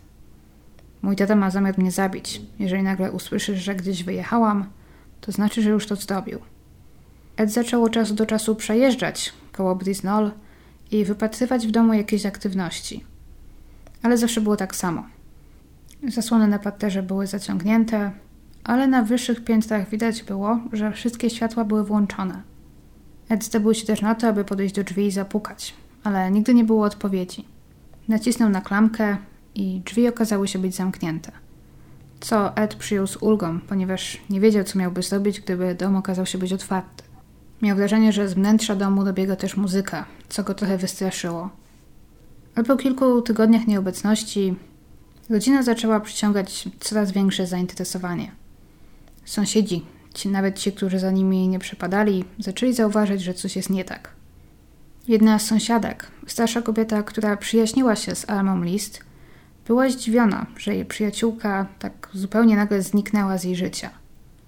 Szkoły, do których chodziły dzieci listów, oczywiście zostały poinformowane o nagłym wyjeździe, ale oczekiwano, że nie potrwa on dłużej niż dwa tygodnie. Gdy ten czas upłynął, ktoś ze szkoły chłopców pojawił się pod domem listów, ale nie mógł zrobić w sumie nic poza pocałowaniem klamki. Najwięcej zamieszania zdecydowanie robił Ed Iliano, który miał bardzo złe przeczucia, a za nim też inni aktorzy z grupy teatralnej. 20 listopada miała mieć miejsce premiera tramwaju zwanego Pożądaniem, w którym Pat grała główną rolę. Było to dla niej niezwykle ważne, wszyscy o tym wiedzieli. Nauczyła się całego scenariusza na pamięć, nie tylko swoich kwestii, ale wszystkich innych. Znała scenariusz od deski do deski. I nagle zniknęła, nie pojawiając się na premierze i nie dzwoniąc nawet raz. Coś zdecydowanie było nie tak. Próbowano skontaktować się z rodziną również przez pastora Rewinkle. Ed i aktorzy mieli nadzieję, że może pastor ma na przykład ich adres w Karolinie Północnej, może pomoże im jakoś ich odnaleźć albo skontaktować się, aby ci się nie martwili, ale pastor nie był zbyt pomocny. Utrzymywał, że jeżeli głowa rodziny zadecydowała, że rodzina wyjeżdża, to wyjeżdża i nie powinni być dręczeni. W końcu 7 grudnia, prawie miesiąc po zniknięciu rodziny, Ed Iliano i jego asystentka, Barbara Sheridan, decydują się pojechać pod dom przy Hillside Avenue i tym razem uzyskać jakieś odpowiedzi. Przyjeżdżają tam więc i w sumie stoją pod drzwiami, zastanawiając się co dalej. W tym samym momencie są czujnie obserwowani przez sąsiadów, którzy tamtym momencie oczywiście również już byli sprawą mocno zaintrygowani. W szczególności, że w tamtym czasie włączone w domu światła zaczęły się powoli przepalać i migać, tak jakby dom do nich mrugał. Mieli więc poczucie, że coś jest poważnie nie tak. Widząc, że ktoś kręci się koło domu, wezwali policję, która pojawiła się na miejscu błyskawicznie. Dwaj funkcjonariusze, Charles Holler i George Zaleśnik, którzy również słyszeli już o dziwnym zaginięciu rodziny List, jak się okazało, podzielali obawy Barbary i Eda. Zamiast ich stamtąd przepędzać, postanowili pomóc im w rozwiązaniu zagadki. Obchodząc dom, w końcu udało im się otworzyć jedno z okien i wejść do środka. Barbara z jednym z policjantów czekała na zewnątrz, gdy Ed i George przeszukali dom. Gdy weszli do środka, zauważyli od razu, że było tam przeraźliwie zimno i że panował nieprzyjemny odór. Poza tym dwaj mężczyźni zdali sobie sprawę, gdzieś w domu grała muzyka. Obchodząc dom w końcu dotarli do sali balowej, gdzie światła były zgaszone, nie tak jak w innych pokojach. Policjant poświecił latarką, ukazując coś, co na początku wyglądało na kupę ubrań, ale okazało się być czterema ciałami. Zaraz na miejscu zadoiło się od patroli policji. Włączono światło w sali balowej, ktoś w końcu zlokalizował radio i wyłączył muzykę, którą wszyscy uznali za upiorną i która przyprawiała wszystkich od dreszcze. Zresztą wszystko, co znaleźli tamtego wieczoru w domu, przyprawiało wszystkich o dreszcze praktycznie z każdego powodu. Piorna muzyka, równo ułożone ciała na podłodze, pusty i zimny dom, w którym nie było prawie w ogóle mebli. I to Ed Iliano jako pierwszy przypomniał sobie, że kogoś brakuje, a mianowicie Almy List, która mieszkała na poddaszu. Kilku przestraszonych policjantów zostało oddelegowanych więc na górę w poszukiwaniu kobiety, która została znaleziona tam, gdzie ponad miesiąc wcześniej zostawił ją John. Co ciekawe, Ed Iliano wiele lat później utrzymywać będzie, że on wszedł do domu dwa dni przed tym, zanim wszedł do środka z policjantami. Pewnej nocy nie mógł spać, tak go to sprawa męczyła, że w końcu podkradł się do domu, udało mu się otworzyć jedno z okien, wejść do środka i znaleźć ciała rodziny w sali balowej. Tak go to przeraziło, że uciekł stamtąd wystraszony i nie odważył się pojechać na policję, nie odważył się o tym nikomu wtedy powiedzieć, prawdopodobnie będąc po prostu w ciężkim szoku. I dwa dni później, 7 grudnia, nie był już chyba pewien, czy istotnie widział to, co widział, czy może mu się to przyśniło, czy może mu się to wydawało. I wtedy też zdecydował się zabrać na miejsce ze sobą kogoś jeszcze, swoją asystentkę i sprawdzić dom raz jeszcze. Ale nie jest jasne, czy to naprawdę miało miejsce, czy jest to coś, co Ed Iliano później sobie może wyobraził i w co uwierzył, czy może istotnie coś, co mu się przyśniło. Ciężko powiedzieć, zwłaszcza, że wiele osób uznaje przekazy i historię Eda za lekko, może nie podkoloryzowane, mocno zdramatyzowane, ponieważ on był aktorem i wszystko odczuwał i o wszystkim opowiadał w bardzo specyficzny sposób. Także nie jest jasne, czy istotnie ktoś wszedł do domu wcześniej, przed policją i odkrył te ciała. Wiemy, że oficjalnie policja odnalazła je 7 grudnia. Bardzo prędko w biurze journalista znaleziono jego broń i wszystkie wcześniej napisane listy. Stało się jasne, że za tymi okropnymi morderstwami stał nie jakiś intrus, a głowa rodziny, który najwyraźniej zbiegł. Tej samej nocy jeszcze, zaalarmowany, pojawił się pastor Winkle, któremu pozwolono wtedy przeczytać zaadresowany do niego list. Poinformowano też rodzinę, Brendę, Jean Seifert, matkę Helen i żyjącą siostrę Almy oraz kilka innych osób. Później wszyscy ci ludzie będą przez wiele miesięcy żyć w strachu, zastanawiając się, czy skoro John List zabił wszystkich swoich bliskich, to czy pojawi się pewnego dnia i w ich domu, aby odebrać życie i im. Co ciekawe, wśród rzeczy osobistych journalista, poza oczywiście okazałą kolekcją gier wojennych i strategicznych, znaleziono mnóstwo książek kryminalnych, zarówno tych na faktach, jak i fikcyjnych powieści. Co później spowoduje, że wiele osób będzie się zastanawiać, czy John po prostu lubił je czytać, no co by nie było, wiele osób po prostu lubi czytać takie książki i czy wiedza pozyskana w ten sposób zwyczajnie pomogła mu wykonać ten jakże dokładny i skomplikowany plan, czy może było na odwrót i journalist gromadził i czytał te książki od jakiegoś czasu, aby przygotować się lepiej do tego, co już od dawna, może nawet od kilku lat, chodziło mu po głowie. Samochód Johna znaleziono na parkingu lotniska Kennedy'ego niedługo później, bo 9 grudnia. Bilet parkingowy wskazywał na to, że samochód został tam porzucony prawie miesiąc wcześniej, porankiem 10 listopada. Ponieważ nigdzie nie znaleziono poszpatu journalista, założono, że mężczyzna zbiegł za granicę i że miał nad policją dobry miesiąc przewagi. Gdy wieść o tym przerażającym morderstwie rozeszła się po mieście, Brisnow zaczął przyciągać ciekawskich, ale nie tylko. Po mieście zaczęły krążyć historie, że do opuszczonego teraz domu włamują się czciciele szatana, aby odprawiać różne swoje rytuały.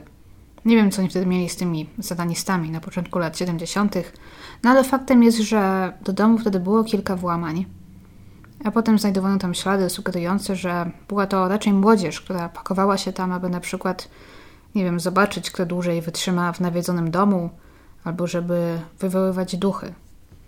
Faktem jest też, że następnego lata dom został strawiony w pożarze, który okazał się być wynikiem dobrze zaplanowanego podpalenia. Nie jakiegoś tam wypadku, że jakimiś nastolatkami w czasie wywoływania duchów czy jakiegoś seansu przewróciła się świeczka, tylko że istotnie ktoś poszedł tam z zamiarem porządnego spalenia tego domu. Kto się tego dopuścił i dlaczego, nie wiadomo. Krążyły plotki, że to może sam John List powrócił, aby zniszczyć to, co po sobie zostawił, ale możliwe też, że był to na przykład ktoś, kto miał dosyć tych wszystkich historii o satanistach i może bał się, że ci serio coś tam wywołają w czasie tych swoich seansów. Niedługo później dom został częściowo zburzony, później został tam przez kogoś odkupiony oczywiście. Do dziś stoi, ale wygląda już zupełnie inaczej i z tego co widziałam to chyba tylko fundamenty tego domu się ostały, też to wygląda już zupełnie inaczej. I gdyby nie to, to przypuszczam, że Brisnall pewnie dziś znajdowałby się na mapie najbardziej nawiedzonych domów Ameryki i pewnie nawet byłyby po nim jakieś wycieczki czy coś w tym stylu. Swoją drogą, tak gdy o nim czytałam, to podobno długo później, jakoś w latach 90., jego nowy właściciel został w tym domu zamordowany, został postrzelony przez swoją byłą żonę, która później popełniła samobójstwo. Więc no, zdecydowanie Brisnall, czy dom, który później powstał na jego miejscu, nigdy nie był dla nikogo zbyt szczęśliwym miejscem. I na przestrzeni lat wiele osób podejrzewało, że John List albo gdzieś sobie dalej żyje, albo popełnił samobójstwo, a jego ciało nigdy nie zostało znalezione. Były nawet podejrzenia, że mógł być D.B. Cooperem, czyli tym mężczyzną, który prowadził samolot, wyłodził pieniądze na okup, a później z tymi pieniędzmi wyskoczył z samolotu i praktycznie rozpłynął się w powietrzu. Wszystko to miało miejsce w stanie Waszyngton, czyli praktycznie po drugiej części kraju, ale miało to miejsce zaledwie dwa tygodnie po morderstwach rodziny List – i jak spojrzymy na portret pamięciowy D.B. Coopera, to przypomina on trochę Johna Lista. Ale nikt raczej nie myśli poważnie, że John mógł być D.B. Cooperem. Po pierwsze, on sam później temu zaprzeczy. Po drugie, John zdecydowanie nie był w takiej formie, aby móc wyskoczyć ze spadochronem z samolotu. Nie miał też takich nerwów, aby uprowadzić samolot i trzymać przez wiele godzin zakładników. A po trzecie, chyba co najważniejsze, Wierzy się, że D.B. Cooper nigdy nie przeżył swojego skoku. Po koniec lat 80. w Stanach pojawił się program telewizyjny, który prędko stał się mocno popularny. Mowa o America's Most Wanted, w którym przedstawiono głównie nierozwiązane sprawy, zaginięć, morderstw, osób poszukiwanych. I na samym początku, gdy producentom programu zaproponowano sprawę journalista, to odrzucili ją. Uważali, że sprawa była zbyt stara i zapomniana, aby zainteresowała widownię.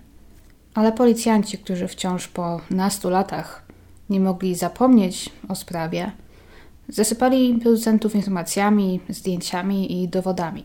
Oczywiście celowo wybierając to najbardziej, nie wiem, szokujące i pikantne szczegóły.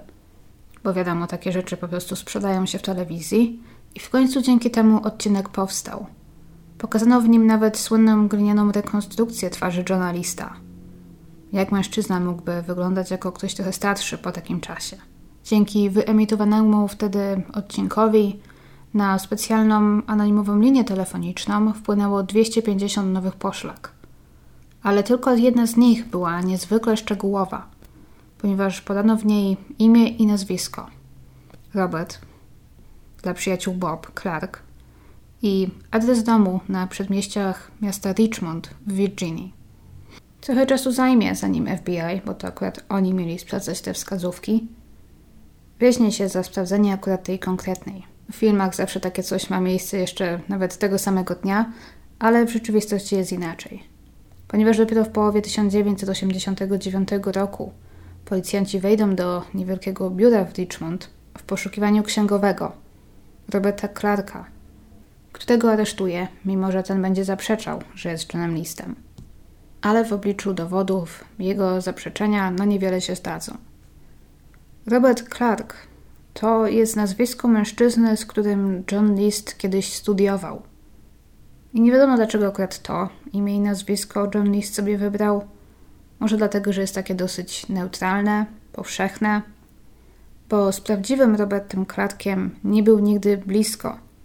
Ba po latach w ogóle okaże się, że prawdziwy Robert Clark nawet nie pamiętał Johna Lista i nie wiedział o jego istnieniu. I pomówmy teraz trochę o tym, jak John List, czy może Bob Clark, dotarł tam, gdzie dotarł i jak odbudował swoje życie, pozostając praktycznie niezauważonym. Jak się okazuje, tamtego listopadowego dnia w 1971 roku John List wcale nie wsiadł w samolot, tak jak niektórzy podejrzewali, wcale nie poleciał za granicę.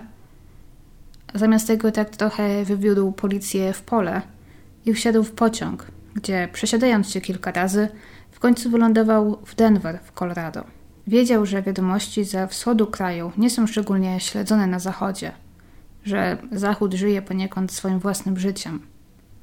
Od razu po przyjeździe, Bob Clark, bo tak od razu zaczął się przedstawiać, zakupił mały dom mobilny za gotówkę za kwotę 1500 dolarów, wydając praktycznie wszystkie pieniądze, jakie miał, albo może raczej jakie ukradł, powinnam była powiedzieć. Na początku musiał żyć niezwykle skromnie, ale niedługo później znalazł swoją pierwszą pracę na zmywaku w restauracji hotelu Holiday Inn, którą miał praktycznie pod domem. Była to praca na zmiany nocne, prosta i nie wymagająca nawet przedłożenia żadnego CV. Bob Clark codziennie też czytał wszystkie gazety, wiadomości i był wręcz zdziwiony i może poniekąd rozczarowany, że upłynęło kilka tygodni, a wciąż nikt w New Jersey o jego morderstwie nie mówi. Dopiero gdzieś w połowie grudnia, na jednej z ostatnich stron w gazecie, zauważył krótką wzmiankę o ojcu, który najwyraźniej zamordował swoją rodzinę w New Jersey i uciekł. Ale New Jersey dla Colorado to w ogóle prawie jak inny kontynent albo inny kraj. Nikt się szczególnie w tym, co się w New Jersey dzieje, tam nie przejmował i John List wiedział, że nikt go tam nie będzie szukał. Wiedział też, że musi działać powoli. Z czasem, gdy zdobędzie więcej dowodów na swoje istnienie, np. odcinków z wypłaty, listów na jego nazwisko pod nowym adresem itd., tak będzie w stanie pozyskać więcej dokumentów. Tak coś się z czasem stanie. I Bob Clark bez absolutnie żadnych większych kombinacji, bez kupowania fałszywych dokumentów, nic takiego, z czasem zdobędzie dowód osobisty na swoje nowe nazwisko, numer ubezpieczenia, prawo jazdy, kupi samochód itd. Tak Swoją drogą kupi sobie w końcu Volkswagena Garbusa, jedną z ulubionych aut morderców. Bob Clark okazał się też być stworzony do swojej nowej pracy. Także dosyć prędko został awansowany na pomocnika kucharza, bez absolutnie żadnego wcześniejszego doświadczenia czy kierunkowego wykształcenia. Może poza tym, że życie z Helen, która uwielbiała gotować i która miała mnóstwo książek kucharskich, oraz wszystkie te noce, kiedy John Lees musiał sobie sam gotować, ponieważ Helen nie domagała, spowodowały, że mężczyzna był w tym całkiem dobry. Tak dobry nawet, że gdy jego szef, kucharz, pod którym ten pracował, zmienił miejsce pracy i przeniósł się do innego hotelu, zabrał Boba ze sobą, pomagając mu nawet przeprowadzić się do innego mieszkania, do nowego mieszkania, tak by miał bliżej do pracy. Bo był człowiekiem specyficznym, jak wszyscy zauważyli. mocno sztywny w obejściu i raczej trzymający się na uboczu. Ale i tak zaskarbił sobie wtedy kilku przyjaciół i nawet potrafił z nimi żartować. Były jednak dwa tematy, które, jak wiele osób z czasem się nauczyło, należało z Bobem omijać. Było to jego przeszłość i religia. Pytany o to, skąd pochodził, Bob odpowiadał, zgodnie z prawdą zresztą, że z Michigan, że miał tam żonę, która tragicznie zmarła na raka mózgu i mówił też, że nigdy nie miał dzieci. Gdy ktoś jednak trochę bardziej drążył temat i trochę więcej wypytywał, to Bob mocno denerwował się i wyglądał wręcz na obrażonego. Nikt więc nigdy później tego tematu z nim nie drążył, po prostu zakładając, że to wszystko przez śmierć jego żony, którą Bob może dalej opłakuje. Więc nie poruszano już tego tematu, zrozumiałe. A drugim drażliwym tematem była religia. Ale nie dlatego, że Bob nie chciał o niej rozmawiać. Wręcz przeciwnie. Zapytany o swoją wiarę zaczynał gadać bez końca i wręcz zanudzać swojego rozmówcę na śmierć. Nie dawał wtedy wejść sobie słowo i nie chciał zmieniać tematu. Ale poza tym Bob Clark po raz pierwszy znalazł zajęcie, w którym był naprawdę dobry. Praca w kuchni zwyczajnie mu służyła. Podobno nawet w najbardziej chaotyczne dni, gdy kucharze mieli urwanie głowy, bo był na przykład środek sezonu, restauracja i hotel były pełne, to Bob zawsze miał wszystko pod kontrolą. Pierwszy raz w życiu journalista jego pracodawcy byli pod pozytywnym jego wrażeniem i nie czekali, aby zwolnić go przy pierwszej lepszej okazji. I nie wiem skąd wziął się ten żart, ale czasem pojawia się w komentarzach pod moimi filmami taki komentarz, taki żart, że Aga jest czasem tak szczegółowa, szczegółowa do przesady, że jak bohaterowie jej historii są w restauracji, to podaje nawet menu, jakie ta restauracja wtedy miała. Nie wiem, czy to kiedykolwiek zrobiłam. Chyba nie, nie pamiętam. I nie wiem, czy ten żart zaczął się od czegoś konkretnego, co powiedziałam, czy ten żart zrodził się tak z całokształtu mojej twórczości. Nie wiem, jak ktoś wie, to proszę niech mi wytłumaczy, niech mnie wprowadzi. Wciąż mi się wydaje, że nigdy o menu żadnej restauracji zbyt dokładnie nie mówiłam, ale teraz może Was zaskoczę. Bo mówimy o wprawdzie tylko jednej pozycji z menu, ale mam wrażenie, że Was to może zainteresować. Ponieważ pewnego razu pracując w kuchni gdy akurat był szwedzki stół na kolację, zaczęło trochę brakować jedzenia i Bob musiał bardzo szybko przygotować i dorzucić jakąś potrawę. Przyrządził więc kurczaka, wykorzystując wszystko to, co akurat mieli w lodówce i co musieli zużyć, żeby się nie zmarnowało. Była to prosta potrawa, piersi z kurczaka w jakimś delikatnym sosie, podane z ryżem i papryką. Danie okazało się sukcesem. Goście restauracji od razu całe zmierkli i nawet później w kuchni pojawiła się jakaś kobieta, mówiąc, że danie tak jej i wszystkim jej znajomym smakowało, że ona chciałaby znać jego nazwę. Kurczak Capistrano, bez wahania odparł Bob. Kobieta podziękowała i poszła, aby wrócić jakiś tydzień później, mówiąc, że przejrzała wszystkie dostępne jej książki kucharskie, wypytała kilku znajomych i nikt nie zna przepisu na żadnego kurczaka Capistrano. Nic dziwnego, że go nigdzie nie znalazła, ponieważ taka potrawa po prostu wtedy nie istniała. Bob więc zapisał dla niej ten przepis i fama potrawy tak się rozeszła po Denver i nie tylko, że do dziś podobno można czasem znaleźć kurczaka capistrano w menu wielu restauracji. Jeżeli gdzieś kiedyś w menu takie danie zobaczycie, no to wiecie już komu je zawdzięczacie. I Johnowi czy też Bobowi powodziło się wtedy nawet nie najgorzej – ale coś było w jego charakterze, co nie pozwalało mu zostać za długo w tym zawodzie, mimo że radził sobie świetnie. Może był to jakiś wpojony mu klasizm, że będzie więcej wart pracując za biurkiem w białym kołnierzyku, a może było to jego zamiłowanie do liczb i przekonanie, że skoro na księgowego się kształcił, to księgowym być musi. Mogła to też być próba zaimponowania kobiecie, którą poznał pewnego wieczoru na takim wieczorku dla singli zorganizowanym przez Kościół. Bob, aby wyglądać na może trochę lepszą partię, poszedł później na jakiś dodatkowy kurs dla księgowych. Nie mógł bowiem przyznać się do swojego doświadczenia zawodowego z poprzedniego życia. I tą kobietą, którą wtedy poznał w 1977 roku, była Dolores Miller. Bob podobno zakochał się w niej i zdecydował, że chce ją poślubić. Dolores była wtedy 35-letnią rozwódką, mieszkała sama i poza tym była bardzo nieśmiała, dosyć religijna, ale poza tym chciała też doświadczyć trochę wolności i odetchnąć po okropnym małżeństwie, z jakiego się właśnie wydostała. Przez wiele lat jednak spotykała się z Bobem, który nie odpuszczał. Zajmie mu to 8 lat, ale Dolores w końcu zgodzi się go poślubić. Wtedy też w połowie lat 80. Bob prowadzi się do jej domu w Denver i podobno na początku wszystko będzie układać się dobrze. Bob już wtedy pracował jako księgowy. Nie była to może jakaś praca płacąca kokosy, ale miał przed sobą perspektywę awansu. Co by nie było, zaczynał od samego początku, nie będąc już młodym człowiekiem. Dolores będzie potem wspominać swojego małżonka jako niezwykle czułego i delikatnego. Bob zawsze wręcz jej usługiwał, rzucał się, aby otworzyć jej drzwi pod nosem, przynosił jej kwiaty, spełniał wszystkie jej życzenia. Pod tym względem Dolores, na początku przynajmniej, nie mogła narzekać. Bob powrócił nawet do swojego starego hobby, jakim były gry strategiczne. Zaczął je znów kolekcjonować i zapraszać garstkę znajomych, których miał, aby z nim grali. Większość z nich próbowała podobno raz i nigdy więcej nie chciała do tego wracać. Ale prędko pojawiają się problemy. Problemy jakże typowe dla journalista, jakże nam i jemu już znane.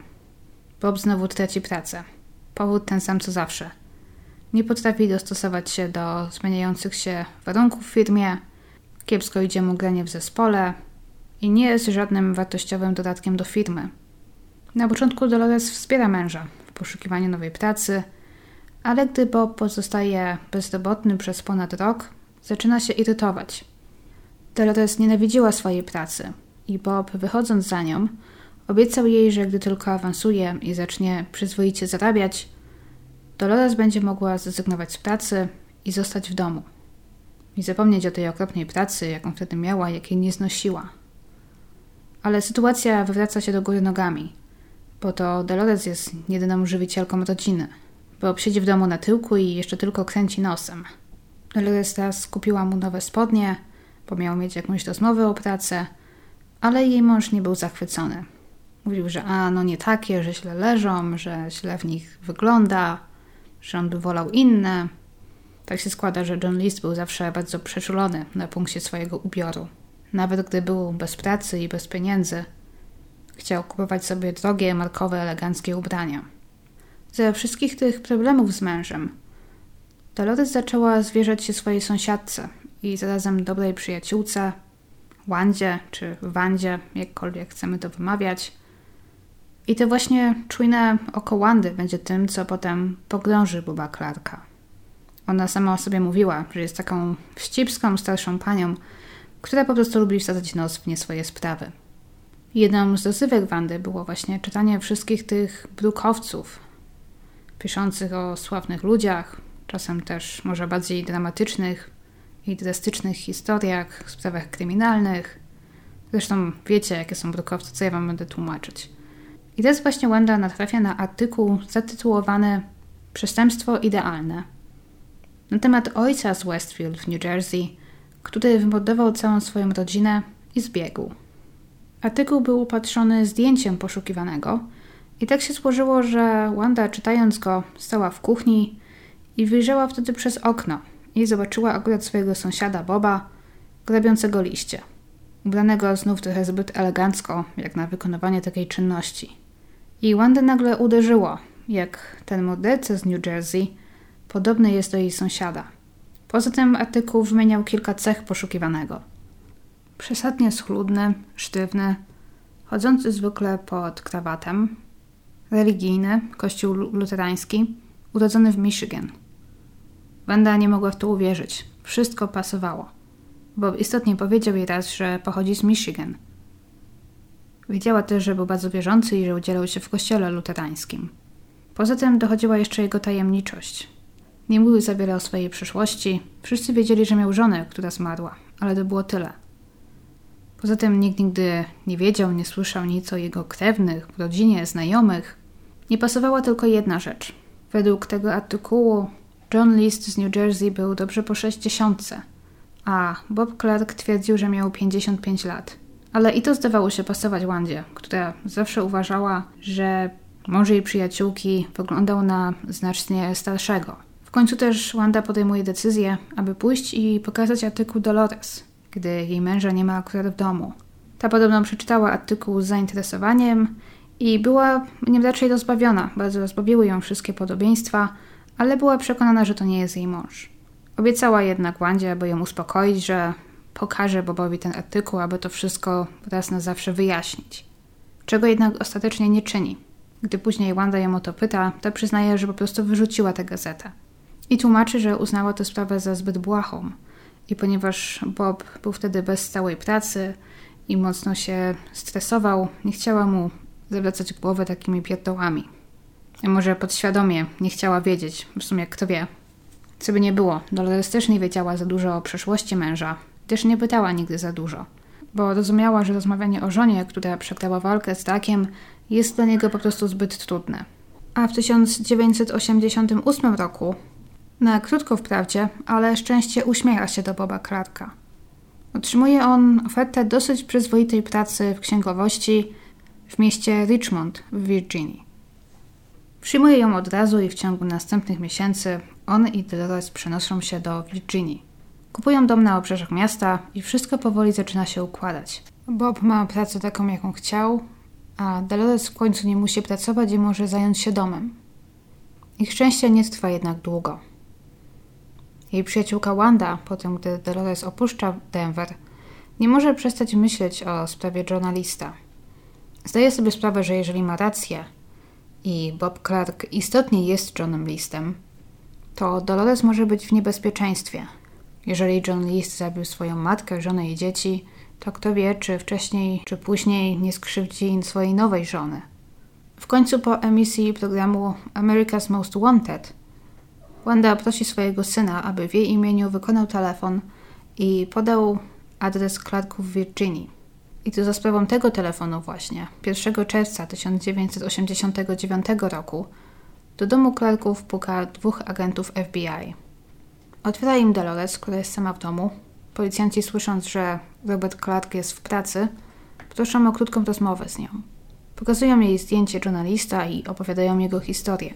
Historię, którą Dolores już zna, ponieważ wcześniej słyszała ją od Wandy. Po ustaleniu kilku faktów z kobietą i obejrzeniu zdjęć Boba Clarka, policjanci widzą niezwykłe podobieństwo i decydują się pojechać do jego biura w Richmond, aby sprawę ostatecznie wyjaśnić. I tam poznają mężczyznę, który przedstawia im się jako Robert Clark i który odpowiada twierdząco na wszystkie pytania. Tak, urodził się w Michigan, tak ma bliznę na szyi, tak jest księgowym i dalej. Ale na pytanie, czy jest Johnem Emilem Listem, pada jedynie krótka odpowiedź: nie. I mężczyzna ten nie mówi nic więcej. Jeden z agentów powie później, że w tym momencie od razu utwierdził się w przekonaniu, że oto istotnie mają przed sobą journalista. Ktoś niewinny zacząłby zadawać pytania. Dlaczego policja nachodzi go w pracy? Kim jest ten cały John List? O co chodzi? Czego oni od niego chcą? Ale ten jednak nic takiego nie robi. Po prostu odpowiada krótko na pytania i stoi tam, jakby czekając na decyzję policjantów. Nie protestował też, gdy policjanci powiedzieli, że muszą go zabrać na posterunek policji, aby porównać jego odciski palców z odciskami journalista. Dość też potulnie zakłuć w kajdanki i wyprowadzić z budynku. Dla nikogo chyba nie będzie zaskoczeniem, gdy powiem, że odciski oczywiście pasowały, jak i wszystkie inne szczegóły. Ale Robert Clark na początku próbował usilnie udowodnić, że istotnie jest Robertem Clarkiem, mimo że nie wychodziło mu to najlepiej. Dla przykładu, gdy sędzia podczas wstępnego przesłuchania zwrócił się do niego per John List, mężczyzna na to zareagował. Poza tym Robert Clark nie potrafił przedstawić ani jednego dowodu, że w ogóle istniał przed 1971 rokiem. Gdy rozeszła się wiadomość, że Słynny John List został w końcu ujęty, rozpętało się prawdziwe piekło. Wszyscy dziennikarze chcieli mieć jego zdjęcie, wszyscy chcieli z nim porozmawiać, jak i również z jego biedną żoną, Dolores, która nie wiedziała, co się dzieje i nie potrafiła się w tym wszystkim odnaleźć. Było jasne, że Dolores nie miała pojęcia o przeszłości męża. To znaczy, w pewnym sensie o niej wiedziała, ponieważ czytała ten artykuł w drukowcu, ale zignorowała go, uważając, że to zwykły zbieg okoliczności. Na początku próbowała nawet stać po stronie męża i dzielnie odpowiadała nawet na pytania dziennikarzy, w nadziei, że wciąż wszystko okaże się nieporozumieniem. Przypuszczam, że długo zajęło jej pogodzenie się z tym wszystkim. Bo niestety Dolores Clark stała się poniekąd kolejną ofiarą Johna Lista. A po zatrzymaniu, po prawie 18 latach, John List musiał w końcu zmierzyć się ze swoją przeszłością.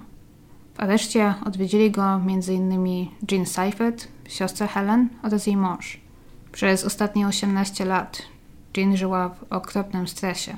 Rozbała się, że któregoś dnia otworzy drzwi i na swoim progu zobaczy journalista, który przyszedł pozbawić ją życia, oraz marzyła o tym, aby go dopaść i zemścić się. Po takim czasie jednak wiele tych najboleśniejszych wspomnień zatarło się. I Jean chciała wtedy przede wszystkim zapytać go, dlaczego. Dlaczego wybrał takie, a nie inne wyjście, jeżeli w ogóle można nazwać to wyjściem. Miała zamiar pojawić się tam i poczynić mu wiele gorzkich wyrzutów, wygadnąć mu. Ale gdy w końcu doszło do spotkania w areszcie, to pomiędzy nimi miała miejsce bardzo poruszająca scena. Jean wtedy podobno zapomniała zupełnie o tej wściekłości, jaką wcześniej w sobie nosiła, i instynktownie podeszła i przytuliła Johna, jednocześnie oferując mu wybaczenie, powodując, że ten możliwie po raz pierwszy, odkąd dopuścił się swojej zbrodni, rozpłakał się. Kobieta postanowiła mu więc wybaczyć, ale wciąż chciała zadać wszystkie swoje pytania. Przede wszystkim dlaczego? Ale John nie potrafił zaoferować żadnego sensownego wyjaśnienia. Poza swoim stałym nie było innego wyjścia. Ewentualnie tak musiało być, lub wtedy nie widziałam innego wyjścia. Chyba nikogo nie zdziwi, gdy powiem, że w kwietniu 1990 roku John List został skazany za pięć morderstw pierwszego stopnia. Za każdy z nich otrzymał wyrok dożywocia, po czym wylądował w więzieniu w Trenton w New Jersey. Nie tak daleko od miasta, gdzie prawie dwie dekady wcześniej zamordował swoją rodzinę. Podczas pobytu w więzieniu wydał nawet książkę, podobno raczej słabą, w której utrzymuje, że to zespół stresu pourazowego i to, czego doświadczył na wojnie, spowodowało, że dopuścił się tego okropnego morderstwa. W czasie jego procesu jego obrona argumentowała, i znów zostało to później potwierdzone przez kilku psychiatrów, że John cierpiał na zaburzenie osobowości obsesyjno-kompulsyjne. Ale to nie jest to samo, co zaburzenie obsesyjno-kompulsywne, mimo że są tam mniej więcej jakieś podobieństwa. To zaburzenie osobowości charakteryzuje się m.in. przesadną perfekcyjnością, potrzebą przestrzegania i życia według jasno określonych reguł, których nie należy łamać. Zaburzona osoba ma takie bardzo czarno-białe podejście do wszystkiego. Często towarzyszy temu brak umiejętności zrelaksowania się czy odczuwania spontanicznej radości i robienia czegokolwiek, co nie jest źle zaplanowane. Wszystko musi być właśnie zaplanowane i dopięte na ostatni guzik. Jakiekolwiek odstępstwa od pierwotnego planu i wytyczonych reguł wzbudzają w osobie z tym zaburzeniem negatywne emocje, często bardzo silne. Poza tym wymienia się też brak elastyczności czy umiejętności dostosowania się do zmian, sztywność w relacjach międzyludzkich i nieumiejętność na przykład poproszenia o pomoc lub przyjmowania wsparcia. Co nie oznacza oczywiście, że jeżeli John List istotnie cierpiał na to zaburzenie, to że każda osoba z tym właśnie zaburzeniem osobowości, nie wiem, jest od razu niebezpieczna i może wcześniej czy później wymordować swoją rodzinę. To byłoby bardzo krzywdzące uogólnienie. Faktem jest zresztą, że osoby z zaburzeniami psychicznymi znacznie częściej padają ofiarami przestępstw, niż tak naprawdę je popełniają. Bo na przypadek journalista i na to, co on zrobił, złożyło się oczywiście wiele czynników. Do dziś fakt, że John List w tak bezwzględny sposób zabił całą swoją rodzinę, nie przestaje zadziwiać. Nawet jeżeli weźmiemy pod uwagę, że nie wiem, nie mógł znieść przyznania się przed swoją rodziną do bankructwa, nie mógł znieść stracenia domu i tak dalej. Dom i tak stracił, rodzinę stracił także, a o bankructwie może jego rodzina nie miała szans się dowiedzieć i nie miała szans żyć w biedzie, ale o całym tym bankructwie dowiedział się praktycznie cały świat. I jakby się nad tym zastanowić, to John List mógł w 1971 roku zrobić wszystko to, co zrobił. To znaczy spakować się, wypłacić ostatnie pieniądze, sprzedać wszystko, co miał, wsiąść w pociąg lub w samolot, wyjechać i zacząć nowe życie w Denver na przykład, tak jak to zrobił. Z jednym wyjątkiem. Zostawiłby swoją rodzinę przy życiu. I tak, pewnie straciliby dom, pewnie musieliby się przenieść i może zamieszkać z mamą albo z siostrą Helen. A po śmierci matki, ponieważ wiemy, że Helen prawdopodobnie nie pożyłaby zbyt długo ze względu na swoją chorobę, Patricia, John i Frederick no, nie żyliby w luksusach. Ale przecież poradziliby sobie. Dwoje z nich już pracowało. I mimo, że John uroił sobie, że jego dzieci oddalają się od Boga, od Kościoła, że skazane są, nie wiem, na wieczne potępienie, to ze wszystkich informacji, jakie znalazłam, jego dzieci były niezwykle inteligentne i zaradne. Zdecydowanie dałyby sobie radę, pewnie lepiej niż John List. Ale dla niego z jakiegoś powodu prowadzenie życia laickiego i to jeszcze w biedzie to był zupełny koniec świata, najgorsze, co mogło się komuś przydarzyć. I lepiej, jeżeli jego rodzina nie mogła już dłużej żyć w luksusach, to równie dobrze może od razu umrzeć i iść do nieba, bo tam będzie im lepiej. On sam uważał, że nie mógł wtedy również i sobie odebrać życia, ponieważ samobójstwo to grzech i nie wylądowałby w niebie. A miał nadzieję, że po śmierci złączy się ze swoimi bliskimi. Jest to tak pokrętna logika, że naprawdę trzeba się zastanowić, czy John Lees naprawdę tak myślał, czy to jest jedynie jakaś jego starannie obrana strategia, aby wymigać się od nieodpowiedzialności i może wyjść na niepoczytalnego. Ponieważ John List w całej tej swojej religijności zdawał się zupełnie pomijać jakże oczywisty fakt, że dopuścił się tak okropnych czynów, że jego marzenia o złączeniu się ze swoją rodziną w niebie po prostu śmieszą. Ale on uważał, że w ciągu swojego życia po prostu odpokutuje za te morderstwa, że nie wiem, Bóg mu wybaczy i on potem złączy się ze swoją rodziną w niebie.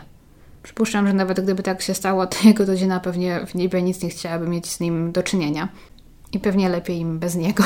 Dr Todd Grande, który jest psychologiem i który prowadzi kanał na YouTube, który czasem oglądam, zdobił kiedyś właśnie materiał na temat Johna Lista i w tym swoim filmie zauważył, że początkowe zamiary Lista zdawały się obracać głównie wokół pozbycia się czy może uwolnienia od swojej żony do której żywił głęboką urazę i którą chyba posądzał o wiele swoich problemów. Ale że zabicie Helen na przykład i pozostawienie dzieci przy życiu było ryzykowne, to John List jakoś sobie wytłumaczył, uzasadnił sobie, że i dzieci musi się pozbyć, a zatem i swojej matki, która mieszkając w jego domu zwyczajnie nie mogła pozostać przy życiu. On też tłumaczył to sobie tak, że szok związany z informacją, że jej syn jest mordercą, że zabił swoją żonę i dzieci i tak by ją zabił. Ale mnie się wydaje raczej, że po prostu zostawiając Almę przy życiu, List dawał sobie znacznie mniej czasu na ucieczkę.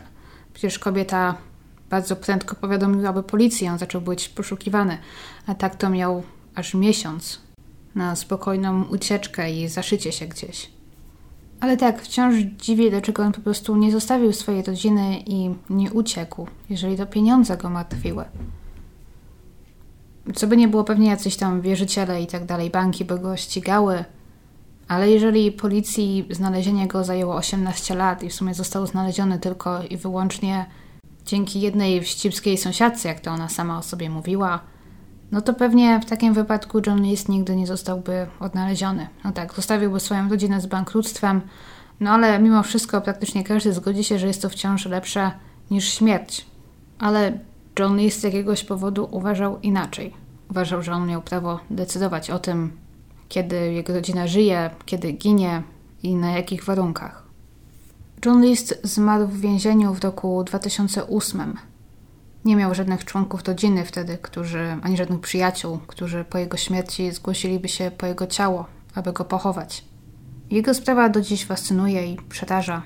Stała się też inspiracją do wielu książek, do wielu ekranizacji, był o nim odcinek m.in. w serialu Prawo i Porządek oraz kilka filmów pod tytułem Stepfather na przykład, czyli Ojczym. A w roku 2020 wyszedł film o tytule Morderstwa sąsiedztwa, również nim inspirowany. Ale z tego co widziałam, żaden z tych filmów nie ma, nie chcę być niemiła, ale po prostu żaden z tych filmów nie ma najlepszych ocen krytyków. Co jest ciekawe, bo mam wrażenie, że przy dobrych wiatrach można by było o tym nagrać naprawdę niezwykle przerażający i porywający film. Ja czytając książkę na temat tej sprawy, musiałam się kilka razy wręcz przywoływać do porządku i przypominać sobie, że to, co czytam, to jest um, to są autentyczne wydarzenia, a nie czyjaś tam wyobraźnia i literacka fikcja, ponieważ właśnie tak się to czytało. Jak jakąś porywającą powieść, a nie historię opartą na faktach. Także tak, sprawa journalista do dziś poniekąd pozostaje żywa, jest wciąż żywa i nie jest to też niestety jedyna sprawa, w której ktoś dopuszcza się takiego czynu, bo w świecie mnóstwo jest podobnych spraw, w różnych zakątkach świata, również bardziej współczesnych, które sprawę journalista poniekąd przypominają. Przypuszczam, że w jakiejś niedalekiej przyszłości i te sprawy się na tym kanale pojawią. Przypuszczam, że jest jeszcze wiele, których nie znam, które muszę dopiero odkryć. Jest jedna podobna sprawa pewnej rodziny z Francji, którą też chciałabym się kiedyś zająć. Zresztą prosiliście o nią przy sprawie e, rodziny Flactive, ale że będę musiała do niej zająć się przetłumaczeniem kilku francuskojęzycznych źródeł, to myślę, że zostawię ją sobie gdzieś na jakąś może trochę dalszą przyszłość. Tak czy inaczej, jestem ciekawa, jak ten dzisiejszy podcast wyszedł, jak przypadł Wam do gustu, czy w ogóle Wam przypadł, bo zdaję sobie sprawę, że teraz nagrywam go. Przypuszczam, że będzie dosyć długawy. Jestem ciekawa, czy takie coś bardziej szczegółowego, w szczególności zagłębianie się w życie i szczegóły rodziny, w ich problemy, też problemy finansowe.